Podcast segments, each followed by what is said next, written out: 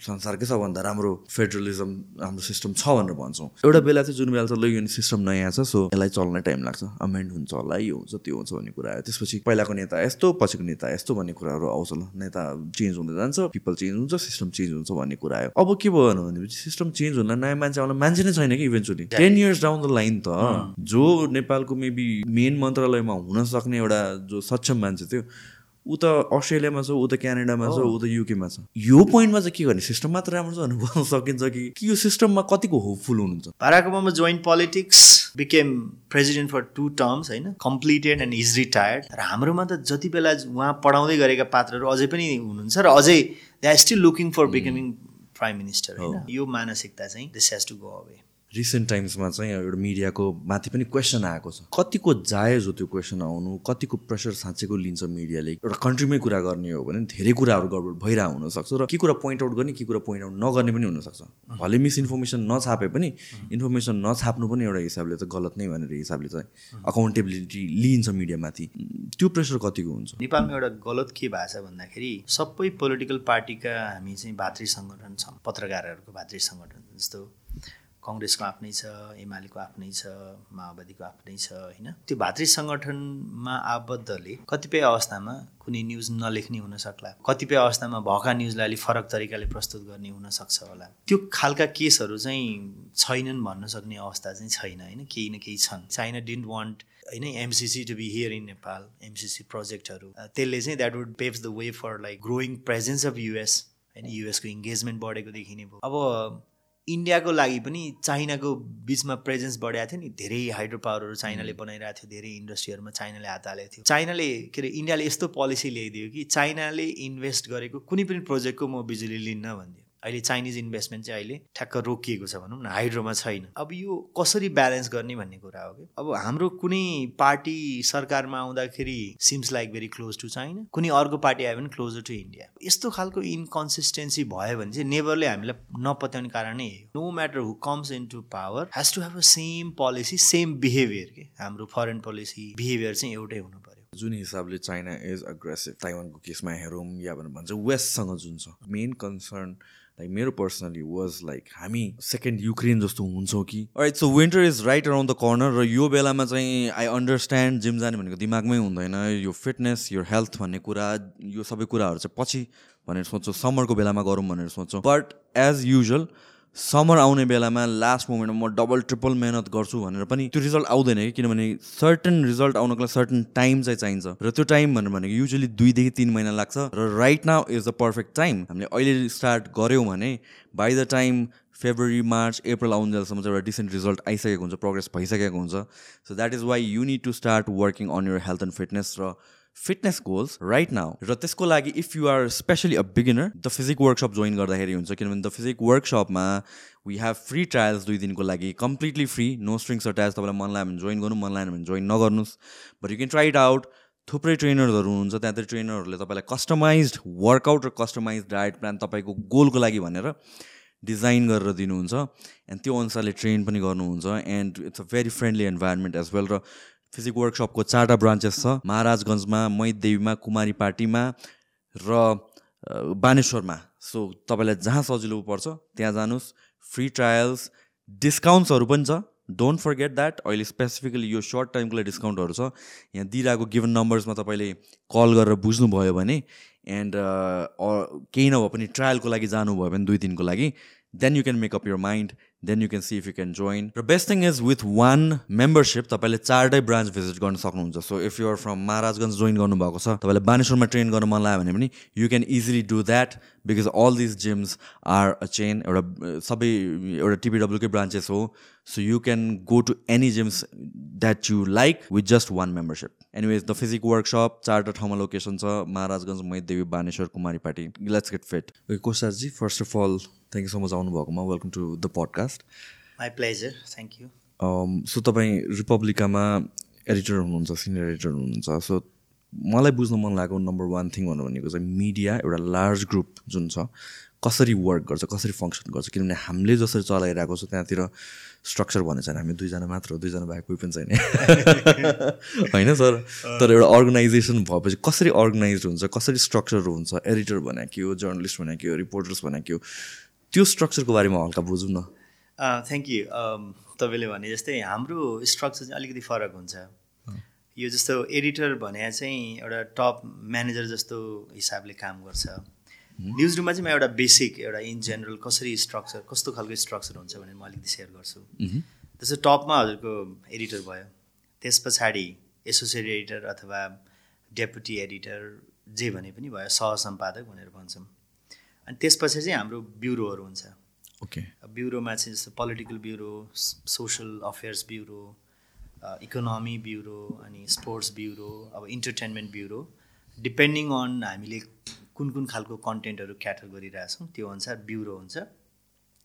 अनि ब्युरो हेडहरू भए होइन प्रत्येक ब्युरोको जस्तो पोलिटिकल ब्युरो हेड भयो सोसल अफेयर्स ब्युरो हेड भयो इकोनोमी ब्युरो हेड भयो त्यो आफ्नो आफ्नो अब हेड भएपछि बिचमा कुनै कुनै न्युज अर्गनाइजेसनमा चाहिँ न्युज एडिटर भन्ने पोस्ट पनि हुन्छ अथवा न्युज कोअर्डिनेटर भन्ने त्यो ब्युरोहरूलाई कोअर्डिनेट गर्ने अनि त्यसपछि त्यो चाहिँ एसोसिएट एडिटरमा पुग्ने अथवा त्यो डेपुटी एडिटर वाट एभर विकल अनि त्यस पछाडि टप एडिटर भयो एडिटर इन चिफ भयो। अनि त्यो प्रत्येक ब्युरोमा चाहिँ सर्टेन नम्बर अफ रिपोर्टर हामी हुन्छौँ। कति जुनियर रिपोर्टर हुन्छन् कुनै ट्रेनी रिपोर्टर ट्रेनी जर्नलिस्ट पनि हुनसक्छन् कुनै त्यहीँभित्र पनि सिनियर जर्नलिस्टहरू हुनसक्छन्। अनि त्यसभित्र पनि हामीसँग बिट हुन्छ। ब्युरो ब्युरोभित्र पनि ब्युरो ब्युरोभित्र पनि बिट हुन्छ। For example let's say political bureau भनिसकेपछि पोलिटिकल ब्युरोमा नि त एउटा मान्छेले सबै पार्टी त हेर्न सक्दैन नि त होइन? पोलिटिकल ब्युरोभित्र पनि धेरै अरू इस्यु पनि छन्। जस्तो जेनरली नेपालको पोलिटिकल ब्युरोमा हाम्रो न्युज रुममा चाहिँ हाम्रो अभ्यास अनुसार जस्तो पोलिटिकल पार्टिज पार्लियामेन्ट इभन गभर्मेन्टको इस्युजहरू अनि त्यस पछाडि हामी चाहिँ संसद पार्लिमेन्ट्री कमिटीहरू पार्लिमेन्ट गभर्मेन्ट क्याबिनेट यो क्याबिनेटको डिसिजनदेखि सबै गभर्मेन्टभित्र पऱ्यो त्यसपछि फरेन अफेयर्स यी सबै हामी पोलिटिकल अफेयर्सभित्र एउटा राख्ने परिपाटी छ।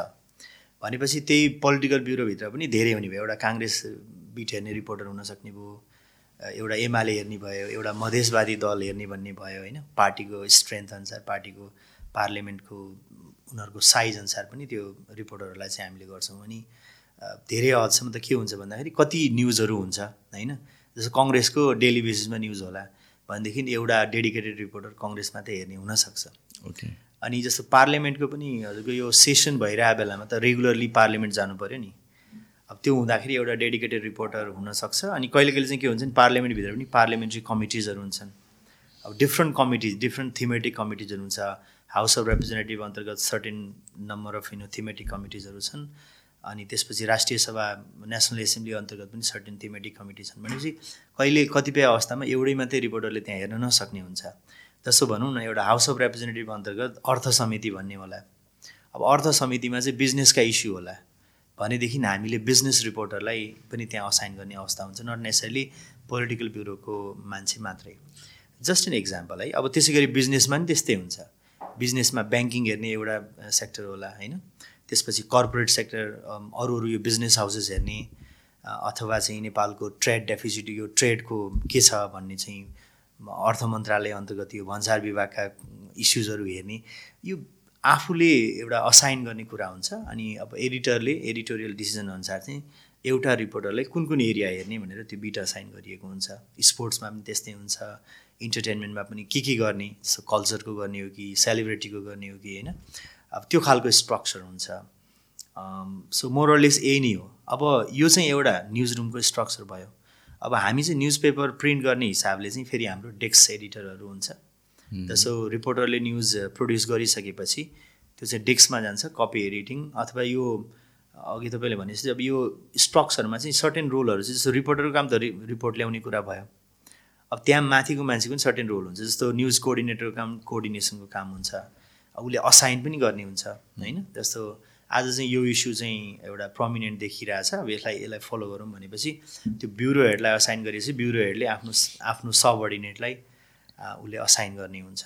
सो बेलुका चाहिँ जस्तो भनौँ न हामी नर्मली अब अहिले त न्युज रुमको फङ्सनिङ पनि अलिकति चेन्ज भएको छ। यो डिजिटल आइसकेपछि हामी फेरि अनलाइनलाई पनि अपडेट गर्नुपर्ने भन्ने पनि आइरहेछ। तर पहिले चाहिँ ट्रेडिसनल हिसाबमा हामी के गर्थ्यौँ भन्दाखेरि बिहान एघार बजीतिर एउटा मिटिङ हुने अनि के गर्ने कसो गर्ने सबै रिपोर्टरहरू आफ्नो हिसाबमा मोबिलाइज हुने अनि पाँच बजीतिर चाहिँ न्युज लिएर आउने अनि त्यसपछि छलफल हुने। ओके? ल यस्तो यस्तो इन्फर्मेसन आयो के गर्ने? छलफल गरिसकेपछि अब एडिटरले डेपुटी जुन एसोसिएट एडिटरले छलफल गरिसकेपछि ओके आज चाहिँ फ्रन्ट पेजमा यो स्टोरी गरौँ। अब यसलाई यो स्टोरीलाई चाहिँ अलिकति फर्दर रिसर्च गर्नुपर्ने रहेछ। यसलाई थप रिसर्च गरौँ आजलाई होल्ड गरौँ भोलि गरौँ भन्ने त्यस्तो खालको पनि हुन्छ। अब त्यो स्टोरी चाहिँ जब प्रड्युस भइसक्छ रिपोर्टरले लेखिसक्छन् रिपोर्टर लेखेर ब्युरो चिफले अलिकति त्यसलाई रिभ्यू गर्ने किन ब्युरो चिफलाई त नलेजेबल हुन्छ नि त्यो आफ्नो एरियाको हुन्छ।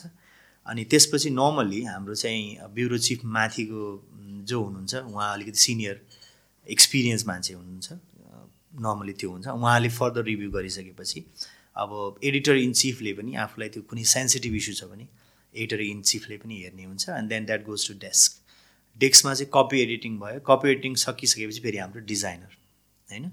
डिजाइनरले चाहिँ अनि अब हामीले चाहिँ एडिटोरियल टिमले डिसिजन गरे अनुसार आजको मेन न्युज यो आजको मेन फोटो यो आजको फ्रन्ट पेजमा जाने अरू न्युज यो यसरी त्यो गरिसकेपछि उहाँहरूले पेज डिजाइन गर्नुहुन्छ। डिजाइन गरिसकेपछि त्यो प्रिन्ट जाने भयो होइन? प्रिन्टमा गएपछि त्यो बिहानै अर्ली मर्निङदेखि डिस्ट्रिब्युसन हुने त्यो चाहिँ एउटा नर्मल फङ्सनिङ हो।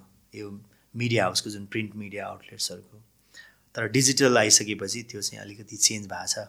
अफकोर्स त्यो पुरानो कामहरू त एसेन्सियली उही नै रहेछ। तर पहिले जुन हुन्थ्यो नि हामी दिउँसभरि फिल्डमा सबै जसो जाने अनि बेलुका पाँच बजीतिर भेट्ने जुन थियो अहिले चाहिँ त्यो रिपोर्टरहरू चाहिँ any time they have to be like ready होइन? अब उनीहरूले केही आफ्नो एरियामा चाहिँ अपडेट छ भने उनीहरूले अपडेट गर्नुपर्ने। त्यो चाहिँ अलिकति फङ्सनिङमा चाहिँ सर्टेन चेन्जेसहरू आएको छ। सो यो त एउटा त ठुलै नेटवर्क नै हुने रहेछ अफकोर्स मैले एउटा कुरा भन्न बिर्सेँ जस्तो हामी त यो काठमाडौँको मात्रै कुरा गरिरहेको एक्ज्याक्टली मैले पनि त्यही हामीसँग मैले यो पार्ट अलिक मिस जस्तो हामीसँग त डिस्ट्रिक्ट बेस्ड रिपोर्टरहरू पनि हुने भए हाम्रो त ब्युरो हुने भयो होइन? जस्तो सो डिस्ट्रिक्ट बेस्ड पनि ब्युरो नै हुन्छ त्यहाँबाट यस्तो अहिले चाहिँ नर्मली के गरेको छ भने अब मिडिया आउटलेटहरूको आफ्नो आफ्नो नेचरको हिसाबले काम गरेको छ। जस्तो कतिले चाहिँ जस्तो सानो सानो आउटलेटहरूले चाहिँ एउटा प्रदेशमा एकजना अथवा दुईजना मान्छे डेडिकेटेड प्रोभिन्सियल हेड क्वार्टरमा राख्ने अनि आवश्यक परे अनुसार चाहिँ उनीहरूलाई मोबिलाइज गर्ने होइन? जस्तो अब ठुलै खालको घटना छ भने गण्डकी प्रदेशको कोअर्डिनेटर पोखरामा बेस छ भने ऊ चाहिँ मेबी अरू अरू डिस्ट्रिक्टहरू तनहुँतिर केही भएको छ भने त्यस्तो बेलामा मोबिलाइज गर्ने। तर इन मोस्ट केसेस अब फोनबाट पनि काम भइरहेको हुन्छ होइन? सिडिओलाई फोन गऱ्यो पुलिसको प्रवक्तालाई फोन गऱ्यो अथवा पुलिस चिफलाई नै डिस्ट्रिक्ट बेस पुलिस चिफलाई नै फोन गऱ्यो अब इन्फर्मेसन त आउँछ नै। अब हाम्रो जस्तो उसमा चाहिँ अझै पनि के छ भने अब प्रोभिन्सका प्रत्येक एकजना कोअर्डिनेटर भनेर तोकिया हुन्छ। अनि प्रोभिन्स सँगसँगै अनि स्ट्राटेजिक डिस्ट्रिक्टहरूमा चाहिँ सबै जिल्लामा चाहिँ एक एकजना हामीसँग रिपोर्टरहरू हुनुहुन्छ। अनि जस्तो हामीलाई चाहिँ आज कोसी प्रोभिन्समा चाहिँ कुनै न्युज चाहियो भने त्यो ब्युरो चिफलाई चाहिँ असाइन गर्ने। ब्युरो चिफले आफ्नो अन्तर्गतको साथीहरूलाई ल आज यस्तो रहेछ यसलाई गरौँ भनेपछि त्यो स्टोरी चाहिँ अब मेबी एकै दिनमा पनि बन्न सक्छ अथवा दुई चार दिन पनि लाग्न सक्छ। अनि उहाँहरूले चाहिँ त्यसरी कोअर्डिनेट गरेर चाहिँ माथि काठमाडौँ पठाउनुहुन्छ। अनि केन्द्रमा पनि एउटा डिस्ट्रिक्ट ब्युरो भन्ने चाहिँ हुन्छ कि जसले चाहिँ मोबिलाइज गर्छ। ल है आजको यस्तो छ है स्टोरीहरू यसलाई चाहिँ अलिकति फर फलो गरौँ। यसलाई चाहिँ यसको यो पार्टो चाहिँ खोजौँ भनेर त्यसरी गर्ने चाहिँ एउटा चलन हुन्छ। सो यो त अगेन यो सबै कुरा भनेको ट्वेन्टी फोर आवर बेसिसमा आउँदै जान्छ। लाइक एभ्री डे नयाँ आउनु पऱ्यो। इट्स नट लाइक म्यागजिन जस्तो भएन या भन्छ विकली गर्ने कुरा पनि भएन यो मन्थली गर्ने कुरा पनि भएन। एभ्री डे नै इट्स अ फ्रेस स्टार्ट बिहानदेखि कलेक्ट गऱ्यो बेलुकासम्म कलेक्ट गऱ्यो and then we publish something वेबसाइटमा त अझ त्यो टाइम अनुसारले नै रियल टाइममै जानुपर्ने नै भयो त्योतिर। अगेन देयर इज लाइक मिडियामा पनि द्याट्स म्यासिभ कम्पिटिसन अनि कसले न्युज ब्रेक गर्छ भन्ने कुरा त्यहाँतिर अर्कै प्रेसर छ। नाउ यो सबै गर्दाखेरि बिङ एन एडिटर एडिटर भएपछि सबै कुरा हुन त अलिअलि लेभलमा फिल्टर हुँदै आउँछ नै होला। तपाईँले कसरी डिसाइड गर्नुहुन्छ कि लाइक कुन न्युज जान्छ या जाँदैन या कुन न्युज राइट हो रङ भने त्यो त तपाईँको हातमा आउँछ नि त लास्टमा सो त्यो कसरी म्यानेज गर्नु? किनभने at the end of the day तपाईँलाई सबै फिल्डको एउटा हिसाबले त overview bird's eye view knowledge हुनु पऱ्यो। कतिको च्यालेन्जिङ छ? त्यो च्यालेन्जिङ छ जस्तो एडिटर भने चाहिँ इन प्रिन्सिपल अब you have to be aware of things that are happening around you होइन? त्यसो अब any time you just keep yourself updated त्यो गर्नै पर्छ। अनि सँगसँगै एडिटरले त जस्तो हामीलाई सजिलो के छ भने हामी त नेपाली पनि छ इङ्ग्लिस पनि छ। जस्तो मैले नगरेको खण्डमा यता हाम्रो नागरिकतिर नेपालीबाट बढी गरिराखेकै हुनुहुन्छ। फेरि हामीसँग डिस्ट्रिक्टको एकजना कोअर्डिनेटर हुनुहुन्छ। डिस्ट्रिक्टले पनि गर्नुहुन्छ। यो प्रत्येक सबै मिडिया हाउसको यस्तै नै हो। तर अब जस्तो कुनै पनि इस्युजहरू चाहिँ अब हामीलाई केही लाग्यो अथवा हामीले त मान्छेहरू पनि धेरै भेटिरहेको हुन्छौँ नि त एडिटरले। त्यो हुँदाखेरि हामीलाई केही फिल भयो भने चाहिँ हामीले असाइन पनि गराउँछौँ। केही भइरहेछ भने होइन यसलाई चाहिँ अलिकति सिरियसली फलो गरौँ है भनेर चाहिँ हाम्रो साथीहरूलाई चाहिँ त्यो भनिन्छ नर्मल्ली होइन? त्यो भनिसकेपछि उहाँहरूबाट हामी हामी हामी कहाँ इन्फर्मेसन आउँछ। अब नर्मल्ली के हुन्छ भने यु हेभ टु ट्रस्ट यो रिपोर्टर के अब तपाईँले ट्रस्टै भएन भने त गाह्रो हुन्छ नि त। आफ्नो रिपोर्टरलाई ट्रस्ट गर्नै पऱ्यो अब कहिले कहिले एक्सेप्सनल केसेसमा केही हुन सक्छन्। तर in most cases we trust them र न्युज पढ्दाखेरि पनि अलिकति चाहिँ डिस्क्रिपेन्सिजहरू आयो भने त यो क्वेसन नि त। यो यस्तो भन्नुभएको छ यो चाहिँ के हो त? भनेर त्यसलाई हाम्रो लेभलबाट हामीले हेऱ्यौँ भने हाम्रो लेभलबाट हुने भयो। अब हामीले हेरेनौँ अथवा भने डेस्कबाट पनि अलिकति यसमा डिस्क्रिपेन्सी छ यसलाई चाहिँ अलिकति प्रब्लम छ यो न्युजमा यसलाई आज होल्ड गरौँ भन्ने खालको चाहिँ हुन्छ। सो यो त कस्तो भयो भनेपछि हामीले बाहिरबाट हेर्दाखेरि as viewers as readers as by standards न्युजहरू भनेको त न्युज भनेको फ्याक्ट्स नै हो यहाँ केही पनि तलमाथि हुँदैन भन्ने हिसाबले हामीहरू तर भित्र त it's again network of people नै हो। होइन? अनि त्यसपछि एउटा ठाउँबाट त्यो मिसइन्फर्मेसन पास अन हुँदै गयो भने भनेर त्यो मल्टिपल लेभलमा पनि चेक भएन भनेर त्यहाँ जाने पनि प्रब्लम हुन्छ र again when you are a national daily त्यो लाइबिलिटी त म्यासिभ वेमा हुन्छ राइट सो जस्तो कि कहिलेकाहीँ चाहिँ कुनै सब्जेक्ट टपिकमा मैले कुरा गर्दा जस्तो पडकास्टमा मलाई त त्यस्तो लाइबिलिटी छ जस्तो मलाई लाग्दैन एट सर्टन टाइम्स किनभने पिपल अन्डरस्ट्यान्ड यो इन्फर्मल कन्भर्सेसन हो। त्यही पनि कतिवटा कुरामा चाहिँ म बोल्न अप्ठ्यारो लाग्छ कि? कङ्क्रिट इन्फर्मेसन नभएसम्म। होइन? कि मैले केही मिसइन्फर्मेसन पास गरिदिउँला त्यसले गरेर मेरो फलो गर्ने मान्छेहरूले पनि त्यही हिसाबले सोच्ला भन्ने कुरा। त्यो विथ टाइम हराउने हो कि कि you become so good at त्यो फाइन्डिङ यो प्याटर्न हुन्छ नि प्याटर्न बिग्रिएको अर समथिङ लाइक द्याट कि तपाईँ त्यो प्रोसेसले नै आफ्नो प्रोसेसलाई नै ट्रस्ट गरेर कन्फिडेन्ट हुने हो। यस्तो छ यसमा चाहिँ धेरै हदसम्म त हाम्रो प्रोसेसले नै काम गर्छ। जस्तो अब कुनै रिपोर्टरले एउटा न्युज लेख्दैछ भने त उसले त भेरिफाई गर्नु पऱ्यो नि त होइन। अब एउटा पुलिसलाई कुरा गर्नु पर्ला। फर इक्जाम्पल चाहिँ सिरा जिल्लामा केही घटना भयो। सिराको हाम्रो रिपोर्टरले त he has to first talk to त्यहाँको डिस्ट्रिक्ट बेस पुलिस अफिसियल्स अनि maybe sometime he also has to talk to like eye witnesses अथवा त्यहाँको सिडिओ कोही न कोही अथेन्टिक मान्छेहरूसँग कुरा गरेर उनले इन्फर्मेसन पठाएको हुन्छ अनि इन्फर्मेसन काठमाडौँमा आइसकेपछि अब मिडियामा हेर्नुहोस् कम्पिटिसन पनि छ होइन? अब अर्को के हुन्छ भन्दाखेरि सँगसँगै अरूले पनि केही न केही त गरे हुन्छ नि। त्यसो हाम्रो काम चाहिँ अरूले के लेखेको छ भन्ने पनि एकदम इम्पोर्टेन्ट हुन्छ। अरूले केही नयाँ इन्फर्मेसन ल्याएको छ कि? अनि वी अल्सो लाइक मोबिलाइज क्या हाम्रो रिपोर्टरहरूलाई चाहिँ होइन? यस्तो पनि आएर छ। क्यान यु चेक दिस भनेर त्यो पनि गर्ने खालको चाहिँ गर्नुपर्ने हुन्छ। अब लास्टमा चाहिँ कस्तो हुन्छ भन्दाखेरि त्यो प्रोसेसबाट आउँछ। आइसकेपछि अहिले जस्तो केही न्युज गलत छ भने तपाईँ सोसियल मिडियामा राख्नुभयो भने पाठकहरूले पनि पोइन्ट आउट गर्दै आउँछ। होइन? त्यहाँ चाहिँ गाली गर्न थालिसकेका हुन्छन् ए यस्तो भएछ भन्ने टाइपको पनि हुन्छ। We take them as very positive हिसाबले लिन्छौँ र केही गल्ती छ भने हामीले अपोलोजाइज या आफ्नो चाहिँ उ गरेर त्यसलाई करेक्ट गर्ने पनि हुन्छ। अनि फेरि जस्तो अब जब हामीले न्युज पेपरमा छाप्छौँ नि जस्तो मेरो त अहिले इ पेपर मात्रै सीमित छ बट देन एउटा जुन सिस्टम अनुसार चल्दाखेरि अब त्यहाँ चाहिँ एउटा सर्टेन लेयरको फिल्टर चाहिँ हुन्छ। डेस्कमा पढ्दाखेरि डेस्कमा त्यो एडिटकै लागि पढ्दाखेरि पनि त्यहाँ डिस्क्रिपेन्सी फिल भइसकेपछि त त्यो त्यसलाई चाहिँ अब होल्ड गरौँ भन्ने नै हुन्छ। सिरियस प्रब्लम छ भने त्यसलाई होल्ड गर्ने हुन्छ। त्यही भएर हाम्रो हाम्रो चाहिँ एउटा प्रिन्सिपल छ कि if there is doubt check out still doubt cut out or throw out त्यसले गर्दा चाहिँ हामी धेरै हदसम्म जोगिया हुन्छौँ। यो चाहिँ रिपोर्टर लेभलमै त्यो भइरहेको हुन्छ। त यति हुँदा हुँदै पनि देयर आर केसेस जस्तो एकचोटि अनुजा बानिया केस आएको थियो तपाईँ कति अवेर हुनुहुन्छ होइन? कति पैसा फिर्ता गरिन् के भनेर आएको? हामी हाम्रो एकजना सिनियर साथी जर्नलिस्ट साथी उहाँले धरानबाट लेख्नु भएको थियो है? त पछि that prove that turn out to be false information के? कहिले कहिले चाहिँ के हुन्छ भने तपाईँले एकदम विश्वास गरेको स्रोतले पनि गलत भनिदिँदाखेरि चाहिँ आफ्नो जर्नलिस्टको आफ्नै क्रेडिबिलिटीमा नि क्वेसन आउने हुन्छ। त्यो ओकेजनल एकदम रियर केसहरूमा त्यस्तो हुन्छ। तर त्यो नहोस् भनेर चाहिँ हामी जर्नलिस्ट एकदम तलको जुनियर साथीदेखि लिएर सिनियरहरू हामी सबै चाहिँ त्यो कसस हुनुपर्छ र मोस्ट इम्पोर्टेन्ट थिङ कि जर्नलिस्ट चाहिँ जहिले पनि स्क्याप्टिक हुनुपर्छ। Ask question and if you simply believe in what other people say then problem आउनसक्छ अलिकति चाहिँ सोच्नुपर्छ। अलिक अलिक सङ्कालो चाहिँ बन्नैपर्छ र यो जुन अघि हामीले कुरा गऱ्यौँ यो अरूले पनि छाप्छ कति कुराहरू इन्फर्मेसन किनभने त मिडिया त इट्स अहिले एट दिस पोइन्ट हेर्ने हो भने त सबैतिरबाट कम्पिटिसन छ सबैतिरबाट च्यालेन्जेस छ। द आर सर्टन नेरेसन पनि बिल्ड भएको छ against media media mainstream specially आउँदाखेरि त। सो त्यसले गर्दाखेरि यो जुन रस हुन्छ रस र प्रेसरलाई चाहिँ कतिको लिइन्छ? किनभने चाहिँ अगेन एथिक्स भन्ने कुरा त सबैको डिफ्रेन्ट हुन्छ होला जस्तो लाग्छ मलाई होइन? तर कसरी इन्स्योर गर्ने कि मेरो अर्गनाइजेसनमा त जुनियरदेखि लिएर सिनियर लेभलसम्म यो जुन तपाईँले भन्नु when it doubt cut it आउटको principle follow गरेछ कि छैन कि ब्रेकिङ न्युजकै पछाडि दौडिरहेछौँ भन्ने कुरामा चाहिँ सम सोर्ट अफ प्रेसर हुँदैन?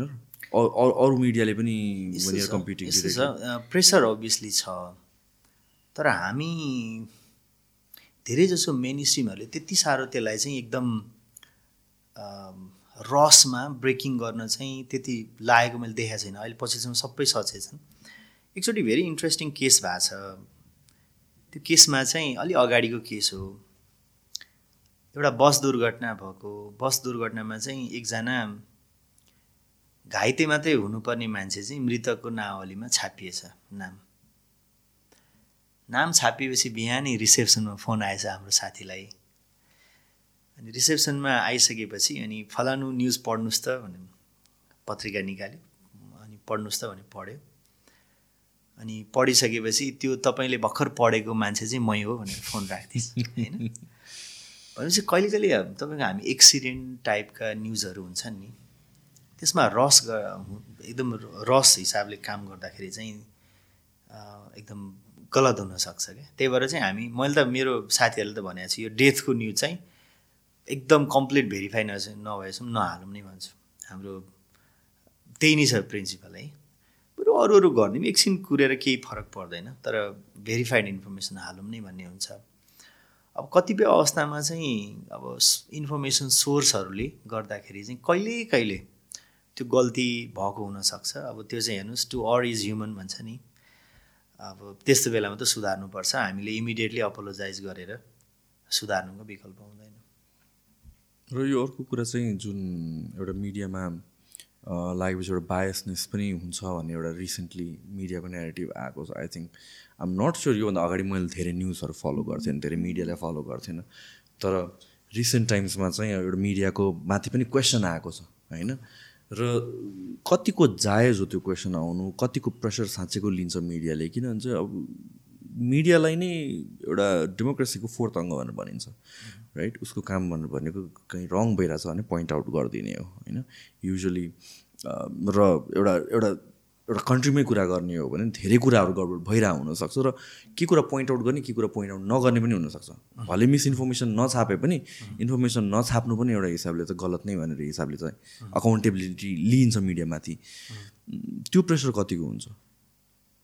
भनेको बायसनेसको कुराहरू बायसनेसको कुराको।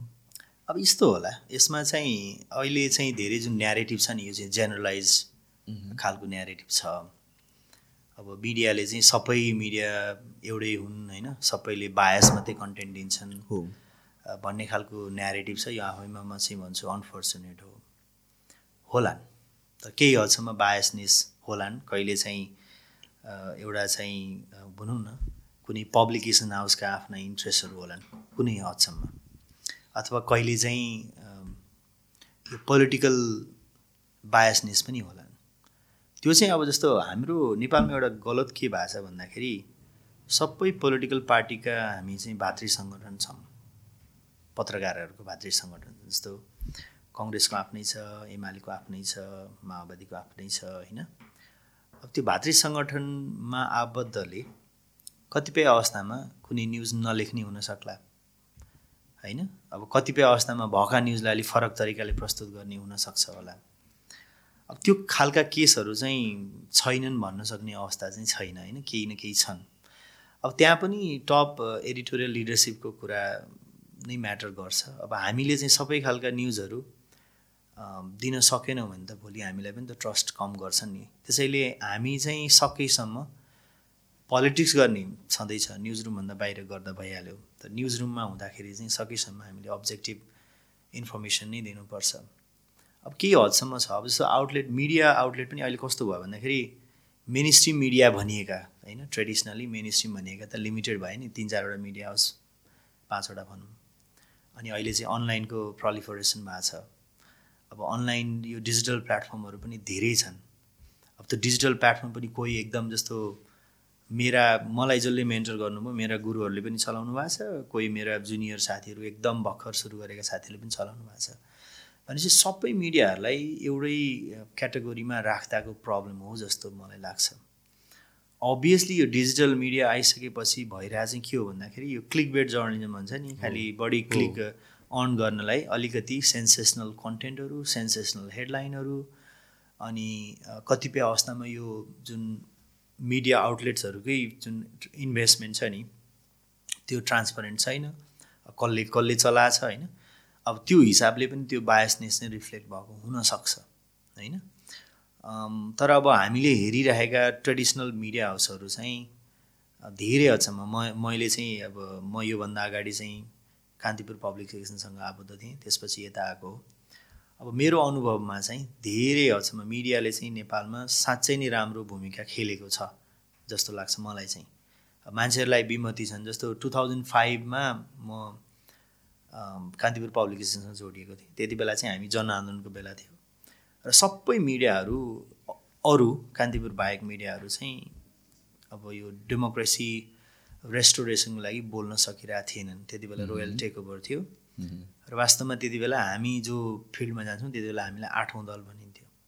होइन? आठौँ दलका चाहिँ मान्छेहरू आए भनेर त्यसरी हेरिन्थ्यो। अब त्यो कार्ड लगाएर जाँदा पनि त्यो भनेपछि नेपालको डेमोक्रेटिक एउटा रेस्टोरेसनदेखि लिएर यो सिभिल लिबर्टिजहरूलाई चाहिँ त्यो अचिभ गर्ने कुरा यो सबैमा मिडियाको भूमिका छ। मिडियाको अफकोर्स कमजोरी होलान्। त्यो कमजोरीहरू हटाउँदै जानुपर्छ। अब सबै बायसै छन् अब मिडियै चाहिँदैन भन्ने खालको जुन न्यारेटिभ छ त्यो चाहिँ गलत छ। के के होला नि रिडरहरूले पनि पोइन्ट आउट गर्नुहुन्छ नि। अहिले त तपाईँले एउटा मिडियाले गलत लेखेर त्यो गलत रहिरहन्छ भन्ने त छैन नि त। म हामी त प्लुराली एउटा मिडिया प्लुरालिजमको अवस्थामा छौँ नि त होइन? कुनै अमुक एउटा ए मिडियाले लेखेन भने बी मिडियाले त लेख्छ नि त। बीले नलेखे सीले लेख्छ। अब यो न्यारेटिभ के आइरहेछ बजारमा भन्दाखेरि होइन यो त मिडिया सल्लाह गरेर एउटै लेख्छन् त्यो कहिल्यै पनि हुँदैन। जस्तो भोलि मैले मेन न्युज लेख्ने न्युज चाहिँ मेरो फरक होस् भन्ने मेरो चाहना हुन्छ। A as a editorial leadership यो सबै एडिटरहरूको त्यो चाहना हुन्छ नै। भनेपछि त्यो सल्लाह गर्ने भन्ने चाहिँ होइन। अब कुनै पनि कलेक्टिभ कुराहरूमा चाहिँ जस्तै एकचोटि चाइनिज एम्बेसीबाट चाहिँ एउटा कुनै पत्रिकाको एडिटरलाई चाहिँ डाइरेक्ट थ्रेड दिएर एउटा एउटा के भन्छ प्रेस स्टेटमेन्ट जारी गरे जस्तो होइन? त्यति बेला सबै मिडियाहरू चाहिँ यो चाहिँ गलत भयो भनेर चाहिँ उनीहरूले कलेक्टिभली बोलेका थिए। अब यस्तै केही अकेसनहरूमा गरेको अब सबै बाह्र भाइ र तेह्र भाइ भन्न थालेर अब त्यसले चाहिँ यो यो न्यारेटिभ चाहिँ न्यारेटिभ फरक पारेको छ। अब त्यो चाहिँ गलत हो जस्तो लाग्छ मलाई। जस्तो कि फ्रिडम अफ स्पिचको कुरा गर्छौँ मिडिया भन्ने बित्तिकै अब आई थिङ्क सुरुमा पर्सनल लेभलमा भन्दा पनि मिडियाको कुरा आउँछ किनभने वान पोइन्टमा फ्रिडम अफ स्पिच थिएन। अहिले त्यसको कम्पेरिजनमा हेर्ने भने फ्रिडम अफ स्पिच धेरै छ। धेरै छ। तर एब्सोल्युट फ्रिडम अफ स्पिच छ कि छैन अहिले? नट जस्ट मिडियाको लागि let's talk about it in form of like we are citizens of this nation यस्तो हुन्छ क्या? यो एब्सोल्युट फ्रिडम भने चाहिँ कति बेला हुन्छ भने नि तपाईँसँग आश पनि छैन अनि त्रास पनि छैन भने यु हेभ एब्सोल्युट फ्रिडम क्या बोल्ने कुरा गर्ने कुरा। अब सबै मान्छेलाई केही केही न केही लेभलको त्रास छ। त्रास भनेको नट नेसेसरली फिजिकल एसल्ट अथवा केही। त्रास भनेको चाहिँ ल आज मैले यस्तो लेखेँ भने चाहिँ भोलि चाहिँ होला नि त होइन? भोलि म यस्तो बन्न चाहन्छु अब त्यो नहोला भन्ने होला। अथवा मैले चाहिँ सर्टेन मान्छेलाई अथवा सर्टेन पार्टीको विषयमा राम्रै लेखिदिएँ भनेदेखि त भोलि मलाई रेकगनाइज गर्ला मैले पनि केही अवसर पाउँला भन्ने खालको हुनसक्ला होइन? सो भनेपछि एब्सोल्युट फ्रिडम भनेको चाहिँ यो लास्टली अब हाम्रो कन्स्टिट्युसन हिसाबले एब्सोल्युट फ्रिडम छ। नेपालमा त वास्तवमा भन्यो भने हामीसँग त चाहिने भन्दा पनि बढी फ्रिडम छ होला जस्तो लाग्छ कि? कतिपय अवस्थामा। तर त्यो चाहिँ के हो भन्दाखेरि व्यक्तिमा भर पर्ने कुरा हो। तपाईँ कति आफूलाई सेल्फ सेन्सर गरिरहनु भएको छ। त्यसो यहाँ जस्तो मेरो एकजना साथी थिए इन्डियाको उहाँको प्राइम मिनिस्टरको बारेमा बोल्ने बेलामा त त्यो साथी यसो भित्ता हेर्थ्यो कि। कोही छ कि भनेर। हाम्रोमा त्यो त्यो अवस्था होइन। हामी वास्तवमा भन्यो भने साउथ एसियाको फ्रिएस्ट कन्ट्री अहिले पनि। हामी इन्कमेन्ट प्राइम मिनिस्टर इन्कमेन्ट प्रेसिडेन्टलाई हामीले क्रिटिसाइज गर्न सक्छौँ हामीले लेख्छौँ। तपाईँले त्यो न्युज पेपरको कन्टेन्टमा देख्न सक्नुहुन्छ। तर यही कुरा तपाईँ go to Bangladesh go to India go to maybe Pakistan or other countries त्यति लेभलको फ्रिडम चाहिँ देखिँदैन। तर अब फ्रिडम धेरै छ भन्दैमा अब फ्रिडम त रेस्पोन्सिबल रेस्पोन्सिबिलिटी पनि हुन्छ नि त होइन अब मिडियाले चाहिँ त्यसलाई अलिकति रेस्पोन्सिबली प्रयोग गर्नुपर्छ। जुन आई थिङ्क गरि नै रहेछन् जस्तो लाग्छ केही अपवाद बाहेक। त्यसैले अब फ्रिडम अफ एक्सप्रेसन चाहिँ मलाई लाग्छ यो आफ्नो आफू पनि भर पर्ने कुरा भयो। कति तपाईँ सेल्फ सेन्सर गर्नुहुन्छ आफूलाई? गर्नु भएन भने एब्सोल्युट फ्रिडम छ। अब गर्न चाहनुभयो for different reasons absolute freedom छैन भनेर भन्नु पऱ्यो लार्जली त यो सेल्फ सेन्सरसिप नै हो जस्तो लाग्छ in most cases even as a person नै कुरा गर्ने हो भने मिडियाको कन्टेक्समा पनि होला जर् बिङ अ जर्नलिस्ट पनि होला। तर लार्जली वान दुईजना कुरा गरिरहेछ या कसैको बारेमा कुरा गरिरहेछ कि इभेन्टको बारेमा कुरा गरिरहेछ भनेपछि एउटा त्यो सेल्फ इम्पोज सेन्सरसिप नै भएर आउँछ कि बिफोर समबडी सेस कि लाइक नबोल या यो बोल्नु हुँदैन भनेर भन्नुभन्दा पनि आफूले नै सोचेर युजली गरिँदैन नि त।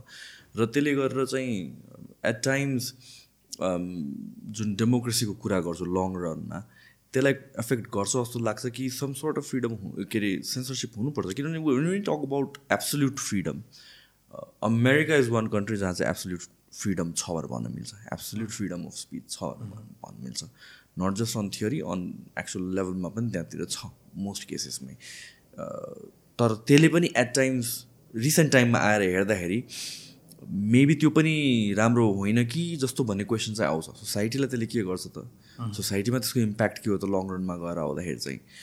सो यो कन्टेक्समा कुरा गर्दाखेरि फ्रिडम अफ स्पिचको कुरा गर्दा फ्रिडम कतिसम्मको हुनुपर्छ? हामीसँग जुन फ्रिडम अफ स्पिच छ जहाँ चाहिँ हामी to some extent self censor गरिरहेको छौँ त्यो नै ठिक हो कि कि एब्सोल्युट फ्रिडम पनि हाम्रो जस्तो सोसाइटीको लागि क्यान बी गुड। अब यसरी हेर्नु पर्ला जस्तो हामी जर्नलिस्टको हिसाबमा त एउटा कोड अफ कन्डक्ट छ होइन? अब हाम्रो कोड अफ कन्डक्टले क्लियरली के भन्छ भन्दाखेरि जस्तो हाम्रो कन्टेन्टहरूले चाहिँ कुनै समुदाय बिचमा चाहिँ एउटा भायोलेन्स क्रिएट गर्नु भएन भायोलेन्सलाई इन्साइट गर्नु भएन अनि यो जुन हाम्रो साम्प्रदायिक सद्भाव छ नि कम्युनल हार्मोनी त्यसलाई डिस्टर्ब गर्नु भएन। यो सर्टेन कुराहरू छ अनि नेसनल इन्टिग्रिटीलाई असर गर्नु भएन। त्यो हाम्रो एउटा जर्नलिस्टको कोड अफ कन्डक्ट छ। जुन कोड अफ कन्डक्टले जुन भनौँ न हाम्रो कन्टेन्टहरूले चाहिँ समाजलाई प्रत्यक्ष रूपमा नेगेटिभली असर पार्दैन भनेदेखि त्यो कन्टेन्टहरू चाहिँ हामी दिनुपर्छ होइन?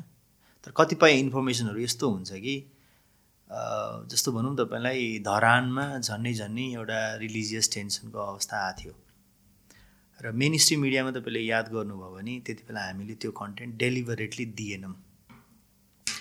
अब त्यसलाई के भन्ने? सेल्फ सेन्सरसिपै हो पार्ट अफ सेल्फ सेन्सरसिप त that was for a good cause होइन? अब मिडियाले पनि यसलाई चाहिँ अन्यथा भयो भनेर चाहिँ होइन अथवा त्यो जुन भायोलेन्सलाई इन्साइड गर्ने खालको कन्टेन्टहरूलाई चाहिँ हामीले पनि प्रमोट गरेका थियौँ भनेदेखि त त्यसले अलिकति स्थिति भयावह पनि बनाउन सक्थ्यो। यो सोसियल मिडिया बेसिकली टिकटकको कारणले गर्दाखेरि यति धेरै त्यो त्यो भइसकेको थियो कि थाउजन्ड्स अफ पिपल त्यो मार्चिङ इटरीबाट चाहिँ जाँदै थिए बिचमा चाहिँ पुलिस एडमिनिस्ट्रेटिभ मेजर ल्याएर त्यसलाई रोकियो होइन। त्यो अनप्लिजेन्ट सिचुएसन हुन पाएन। अब यस्ता कतिपय कुराहरू हुन्छन् जुन हामीले चाहिँ त्यसलाई चाहिँ हामीले अभोइड गर्छौँ। यो अभोइड गर्नु भने चाहिँ अब हाम्रो कोड अफ कन्डक्टको अन्तर्गतै हो। यो चाहिँ जर्नलिस्ट आफैले बनाएको कोड अफ कन्डक्ट हो। त्यो कोड अफ कन्डक्टलाई चाहिँ पालना गराउने काम हाम्रो प्रेस काउन्सिलले गर्छ। प्रेस काउन्सिल चाहिँ नट नेसरली यो गभर्मेन्ट बडी हो अटोनमस बडी हो। त्यहाँ गभर्मेन्टको मान्छे नियुक्ति भए पनि त्यो चाहिँ जर्नलिस्टकै प्रतिनिधिहरू चाहिँ त्यहाँ बस्ने गर्नुहुन्छ। अब यदि कसैले भायोलेट गरेछ त्यो कोड अफ कन्डक्ट भनेदेखि जस्तो अब हामीलाई एउटा कुनै व्यक्तिको पर्सनल क्यारेक्टर एसासिनेसन गर्नेदेखि लिएर यो कम्युनल भायोलेन्स इन्साइड गर्ने हाम्रो त्यो इथिक्सभित्र पर्दैन। अब त्यो इथिक्सभित्र नपर्ने कुराहरू सेल्फ सेन्सरसिप गर्नु द्याट्स फाइन अब कतिपय अवस्थामा चाहिँ तपाईँ आफ्नै हिसाबले कुनै कमर्सियल इन्ट्रेस्ट कुनै बिजनेस इन्ट्रेस्ट अथवा आफ्नो पर्सनल इन्ट्रेस्टका कारणले सेल्फ सेन्सरसिप गरिरहनु भएको छ र पिपलले पाउनुपर्ने इन्फर्मेसन पाइरहेको छैनन् भनेदेखि चाहिँ त्यो चाहिँ गलत हो। जस्तो कि फ्रिडम कम्स विथ रेस्पोन्सिबिलिटी भनेर भन्छ अघि ठ्याक्कै तपाईँले कुरा पनि गर्नुभयो टिकटकको कुरा गर्नुभयो होइन? टिकटक अहिले ब्यान्ड छ हाम्रोमा। त टिकटक एउटा यस्तो टुल थियो लाइक बोथ साइड्स छ त्यसको। Two edge double edge sword भयो नि त एउटा हिसाबले। एउटा हिसाबले एउटा एङ्गलबाट सबैजना मान्छेलाई फ्रिडम दिएछ आफ्नो आफूलाई आफू एक्सप्रेस गर्नको लागि। मेबी न्युज पुग्न नसक्ने ठाउँको न्युजहरू ल्याइदिएको छ। यु नेभर नो कुन कुन भिडियो कुन इन्फर्मेसन भाइरल हुन्छ कसरी स्प्रेड हुन्छ भने भन्न सकिँदैन। त at the same time misinformation spread गर्ने पनि एकदमै खतरा टुल भएको छ। सो यस्तो बेलामा यस्तो बेलामा जुन हिसाबले सेन्सरसिप लाग्यो नि त त्यहाँतिर त्यसलाई हामीले पोजिटिभली लिने कि नेगेटिभली न अगेन यो भनेको एब्सोल्युट हुँदैन हेर्नुहोस् यो डिसिजन सबैको आफ्नो ओपिनियन तपाईँको र मेरो छुट्टै हुनसक्छ होला अरू कसैको छुट्टै हुनसक्छ होला। तपाईँको भ्यूमा बिङ समबडी जो चाहिँ न्युजमा मिडियामा फर लङ टाइम हुनुहुन्छ त्यसलाई कसरी लिनुहुन्छ? मलाई मलाई चाहिँ के लाग्छ भन्दाखेरि नि यो यस प्रब्लम थियो। टिकटकमा धेरै प्रब्लम थियो होइन?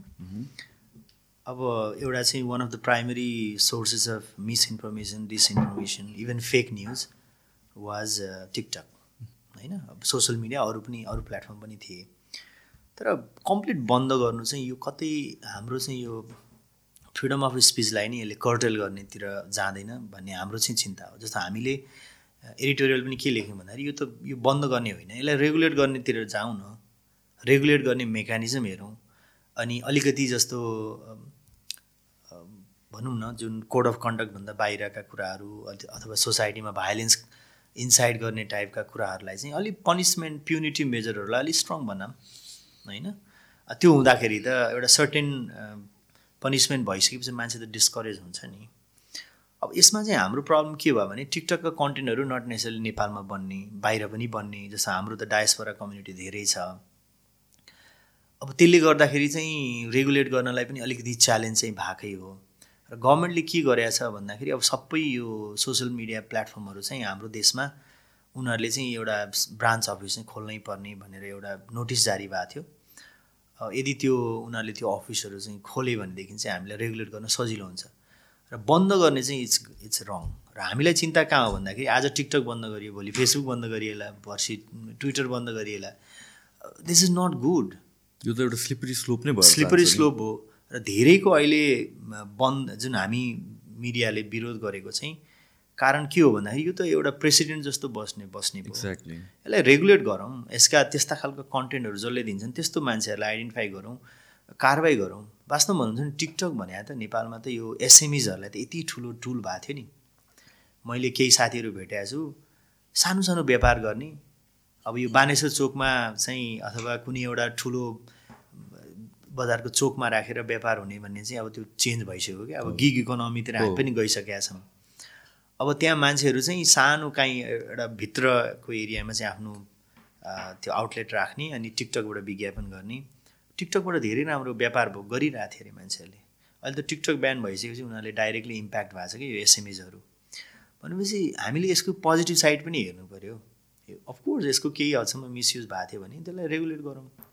अब गर्नुपर्ने त्यही हो। मलाई लाग्छ गभर्मेन्टले पनि त्यतैतिर काम गरिरहेछ कि भन्ने लागेको छ किनभने प्राइम मिनिस्टरले यो टिकटक सधैँका लागि ब्यान गरिया होइन भनेर भन्नुभयो। अब सायद यो टिकटकको कम्पनीले पनि गभर्मेन्टलाई भनेको थियो।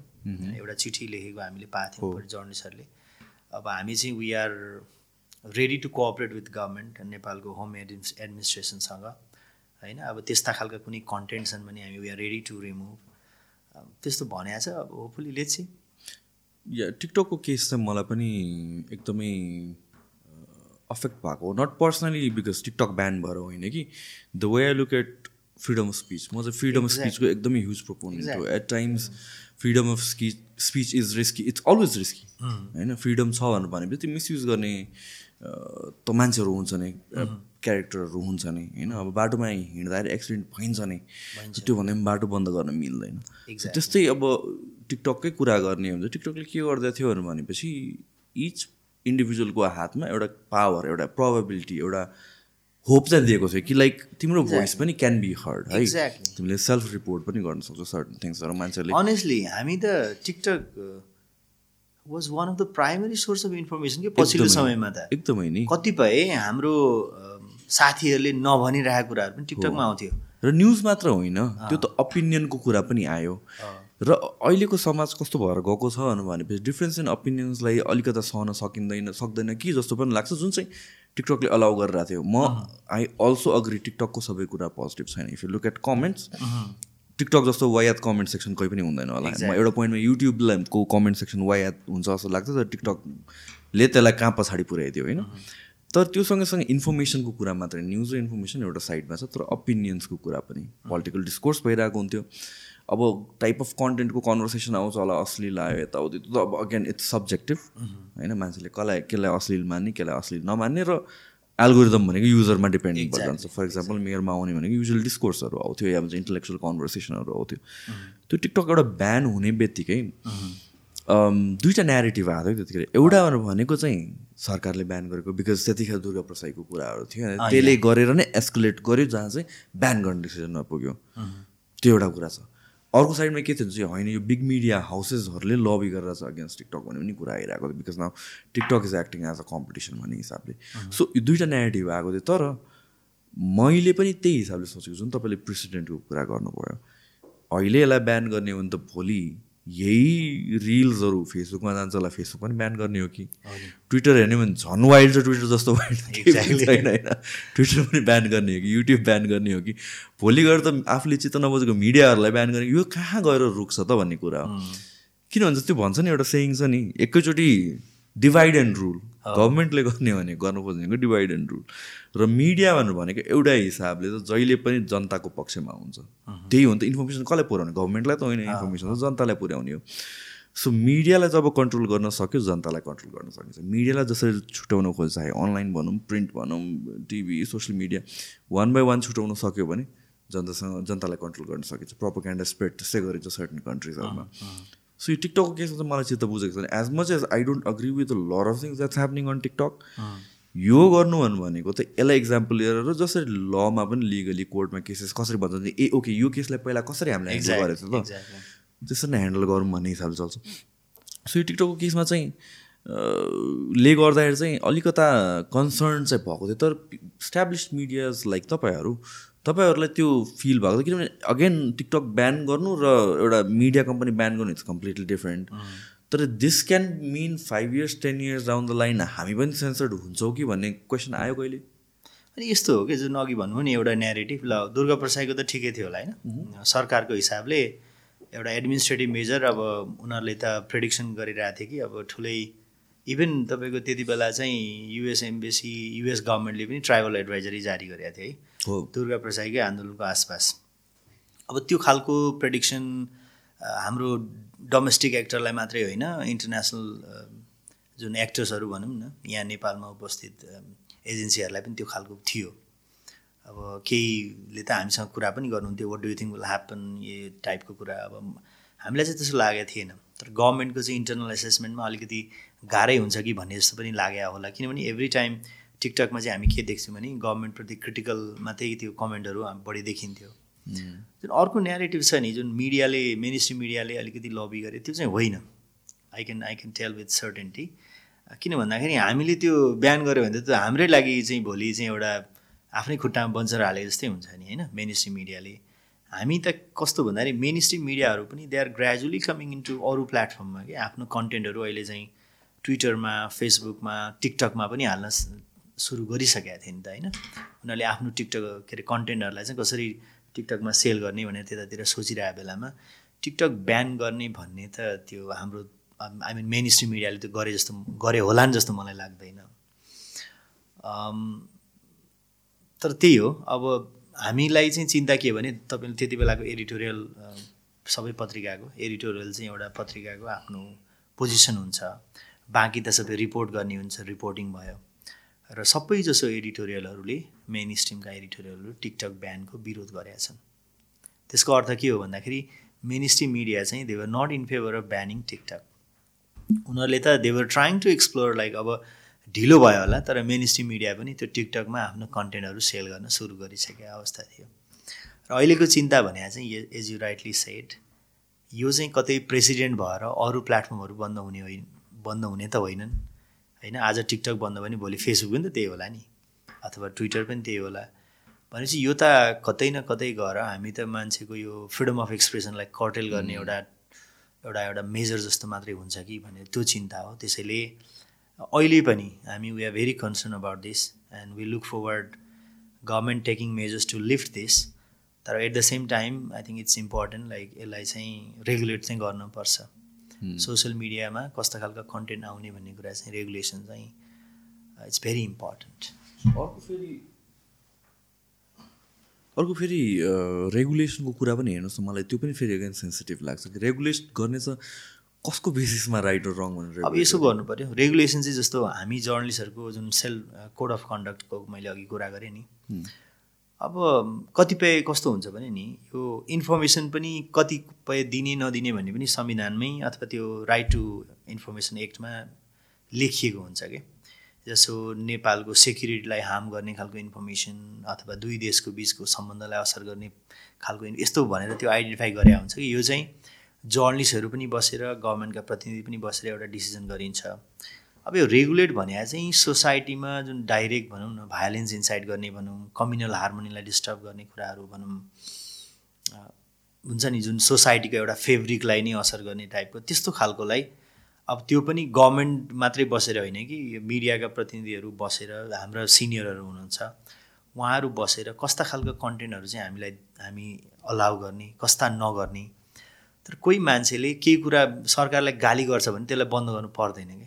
त्यो चाहिँ गभर्मेन्टले सुनेर त्यसलाई सुधार गरे भयो नि। भोलि त आज केही गल्ती रहेछ भनेदेखि मानौँ एउटा टिकटकमा चाहिँ कुनै बाटोमा खाल्टै खाल्टा छन्। हेर त यो फलानुले चाहिँ कामै गर्दैन यत्रो भइसक्यो यस्तो भइसक्यो यहाँ यति मान्छे मऱ्यो भनेर कसैले आफ्नो रिस्क पोख्छ भने fine government should take that positively. म त त्यस्तो लाग्छ। अनि त्यो एड्रेस गऱ्यो भने त भोलिपल्ट उसले त गाली गर्नु छोड्छ नि त होइन। बाटो बनेपछि त गाली गर्नु छोड्छ नि त। सो यसलाई चाहिँ पोजिटिभली हेरेर त्यही अनुसार चाहिँ डिल गर्नुपर्छ होला गभर्मेन्टमा बस्नेहरूले पनि। मलाई लागेको चाहिँ एउटा इन्टेन्ट त्यही नै हो एक्ज्याक्टली कि गभर्मेन्ट एट दिस पोइन्ट भन्यो भने pretty people are pretty much frustrated हेर्नुहोस्। लास्ट तिन वर्ष तिन चार वर्षदेखि हेर्ने हो भने टर्न अफ इभेन्ट्स जुन हिसाबले भयो र त्यसमा जुन हिसाबको कम्प्लेसेन्सी देख्यो इन टर्म्स अफ पोलिसिज पनि। जुन मेबी रिडिरेक्ट गर्न सक्छ होला टु अदर डिरेक्सन्समा त्यो कारणले गरेर इट्स नो सरप्राइज कि मान्छेहरू फ्रस्ट्रेटेड त छ यतिखेर। र त्यो फ्रस्ट्रेसन देखिन्छ सोसियल मिडियामा तपाईँ जुन सोसियल मिडियामा गयो भने देखिन्छ तर इट्स जस्ट टिकटकमा चाहिँ कसैको फलोइङै नभएको मान्छेसँग पनि पावर छ कि उसको मेसेज चाहिँ भोलि गएर वाइड स्प्रेड भइदिन्छ। जुन मेबी युट्युबमा हुँदैन जुन मेबी फेसबुकमा हुँदैन तपाईँसँग अलरेडी फलोवर्स छ भने तपाईँको मेसेज सुन्ने भयो होइन? सो त्योसँग पनि गभर्मेन्ट डराएको हो जस्तो लागेर यो सिचुएसनलाई चाहिँ एउटा न्यू जस्तो लिएर रिजन जस्तो लिएर दुर्गा प्रसाईको इभेन्टलाई न्यू जस्तो लिएर अल्दो त्यो त्यो भनेर गभर्मेन्टले एक्सेप्ट गरेन अर्कै कुरा लियो। खासमा रिजन चाहिँ त्यो हो जस्तो लाग्छ कि? हुनसक्ला अब त्यो ठ्याक्कै गभर्मेन्टले पनि नभनेको कुरा होइन त्यो हुनसक्छ मलाई के लाग्छ भने यो अलिकति मर्यादित चाहिँ भएन क्या त्यही कुरा तपाईँले मर्यादित तरिकाले भन्न सक्नुहुन्छ कि? त सोसियल मिडियामा चाहिँ एकदम त्यो अति के भन्छ अति अशिष्ट भाषामा त्यो बोलेको। त्यसले गर्दाखेरि चाहिँ एउटा समाजलाई हामी कता लाँदैछौँ भन्ने कुरा पनि त्यसले चाहिँ अलिकति चिन्ता व्यक्त गर्ने अवस्था थियो कि त्यस्तो खालको कन्टेन्टले। ठिक छ तपाईँ खुसी हुनुहुन्न तपाईँ एकदम रिसाउनु भएको छ गभर्मेन्टले काम नगरेको तर त्यही कुरा तपाईँ शिष्ट भाषामा भन्न सक्नुहुन्छ। तर त्यो टिकटकमा चाहिँ त्यो अलिक बढी नै थियो कि। अब त्यसलाई चाहिँ अब थाहा छैन। हामीले त्यो नैतिक शिक्षा पनि स्कुलबाट हटाइसक्यौँ होइन। कसरी नैतिक बन्ने कसरी अलिकति त्यो पोलाइट हुने भन्ने कुरा चाहिँ अलिकति कम भा हो कि पछिल्लो पुस्तामा त्यो पनि लाग्छ। फ्रस्ट्रेसन नै हो जस्तो लाग्छ मलाई। यो पोइन्टमा हेर्ने हो भने पहिलाकै पुस्ताकै कुरा गर्ने हो भने पनि एभ्रिबडी इज फ्रस्ट्रेटेड किन भन्छ जुन हिसाबले एक्सपेक्टेसन्स थियो जुन हिसाबले यस्तो होला भनेर सोचेको थियो त्यो नभएर पनि र त्योभन्दा वर्स सिचुएसनमा पुग्दै गएको जुन हिसाबले देखिरहेको छ। We see frustration among the youth अघि हामीले कुरा पनि गऱ्यौँ कि जुन हिसाबले छोडेर गइरहेको छ भनेर। यो पढाइको बाहा त एउटा बाहना हो। होइन पढाइको बाहनाको पछाडि रिजन छुट्टै छ। उसले यहाँ फ्युचर नदेखायो भने त मोस्ट पिपलले त यो होइन कि धेरैजनाले म होइन बाहिर पढ्छु म फर्केर आउँछु। एक्सपेक्टेसन होइन कि। एक्सपेक्टेसन इज लाइक म बाहिर पढ्छु। I'll make a career out of it म त्यही नै मेरो लाइफ बनाउँछु भन्ने हिसाबले जुन चाहिँ डेन्जरस हो हेर्नुहोस्। होइन हाम्रो सोसाइटीको कुरा गर्ने हो। देयर आर लाइक कन्ट्रिजहरू जस्तो जापानको कुरा गर्नुहुन्छ भने ओल्डर पपुलेसन मात्र बेसी भयो भने एजिङ कुराहरू एजिङ पपुलेसन मात्र छ। हाम्रो त युथ धेरै भएको पपुलेसन हो नि। At this point last two years पछि हेर्ने हो भने चाहिँ I'm not sure average age कति छ। तर अगाडि त हाम्रो तेइस चौबिस वर्ष कति थियो एभरेज एज अहिले त त्यो एज भएको मान्छेहरू त मोस्टली त बाहिर गइरहेको छन् भनेर भनेपछि भोलि गएर एउटा जुन भिसियस साइकल यसले सुरु गर्न सक्छ।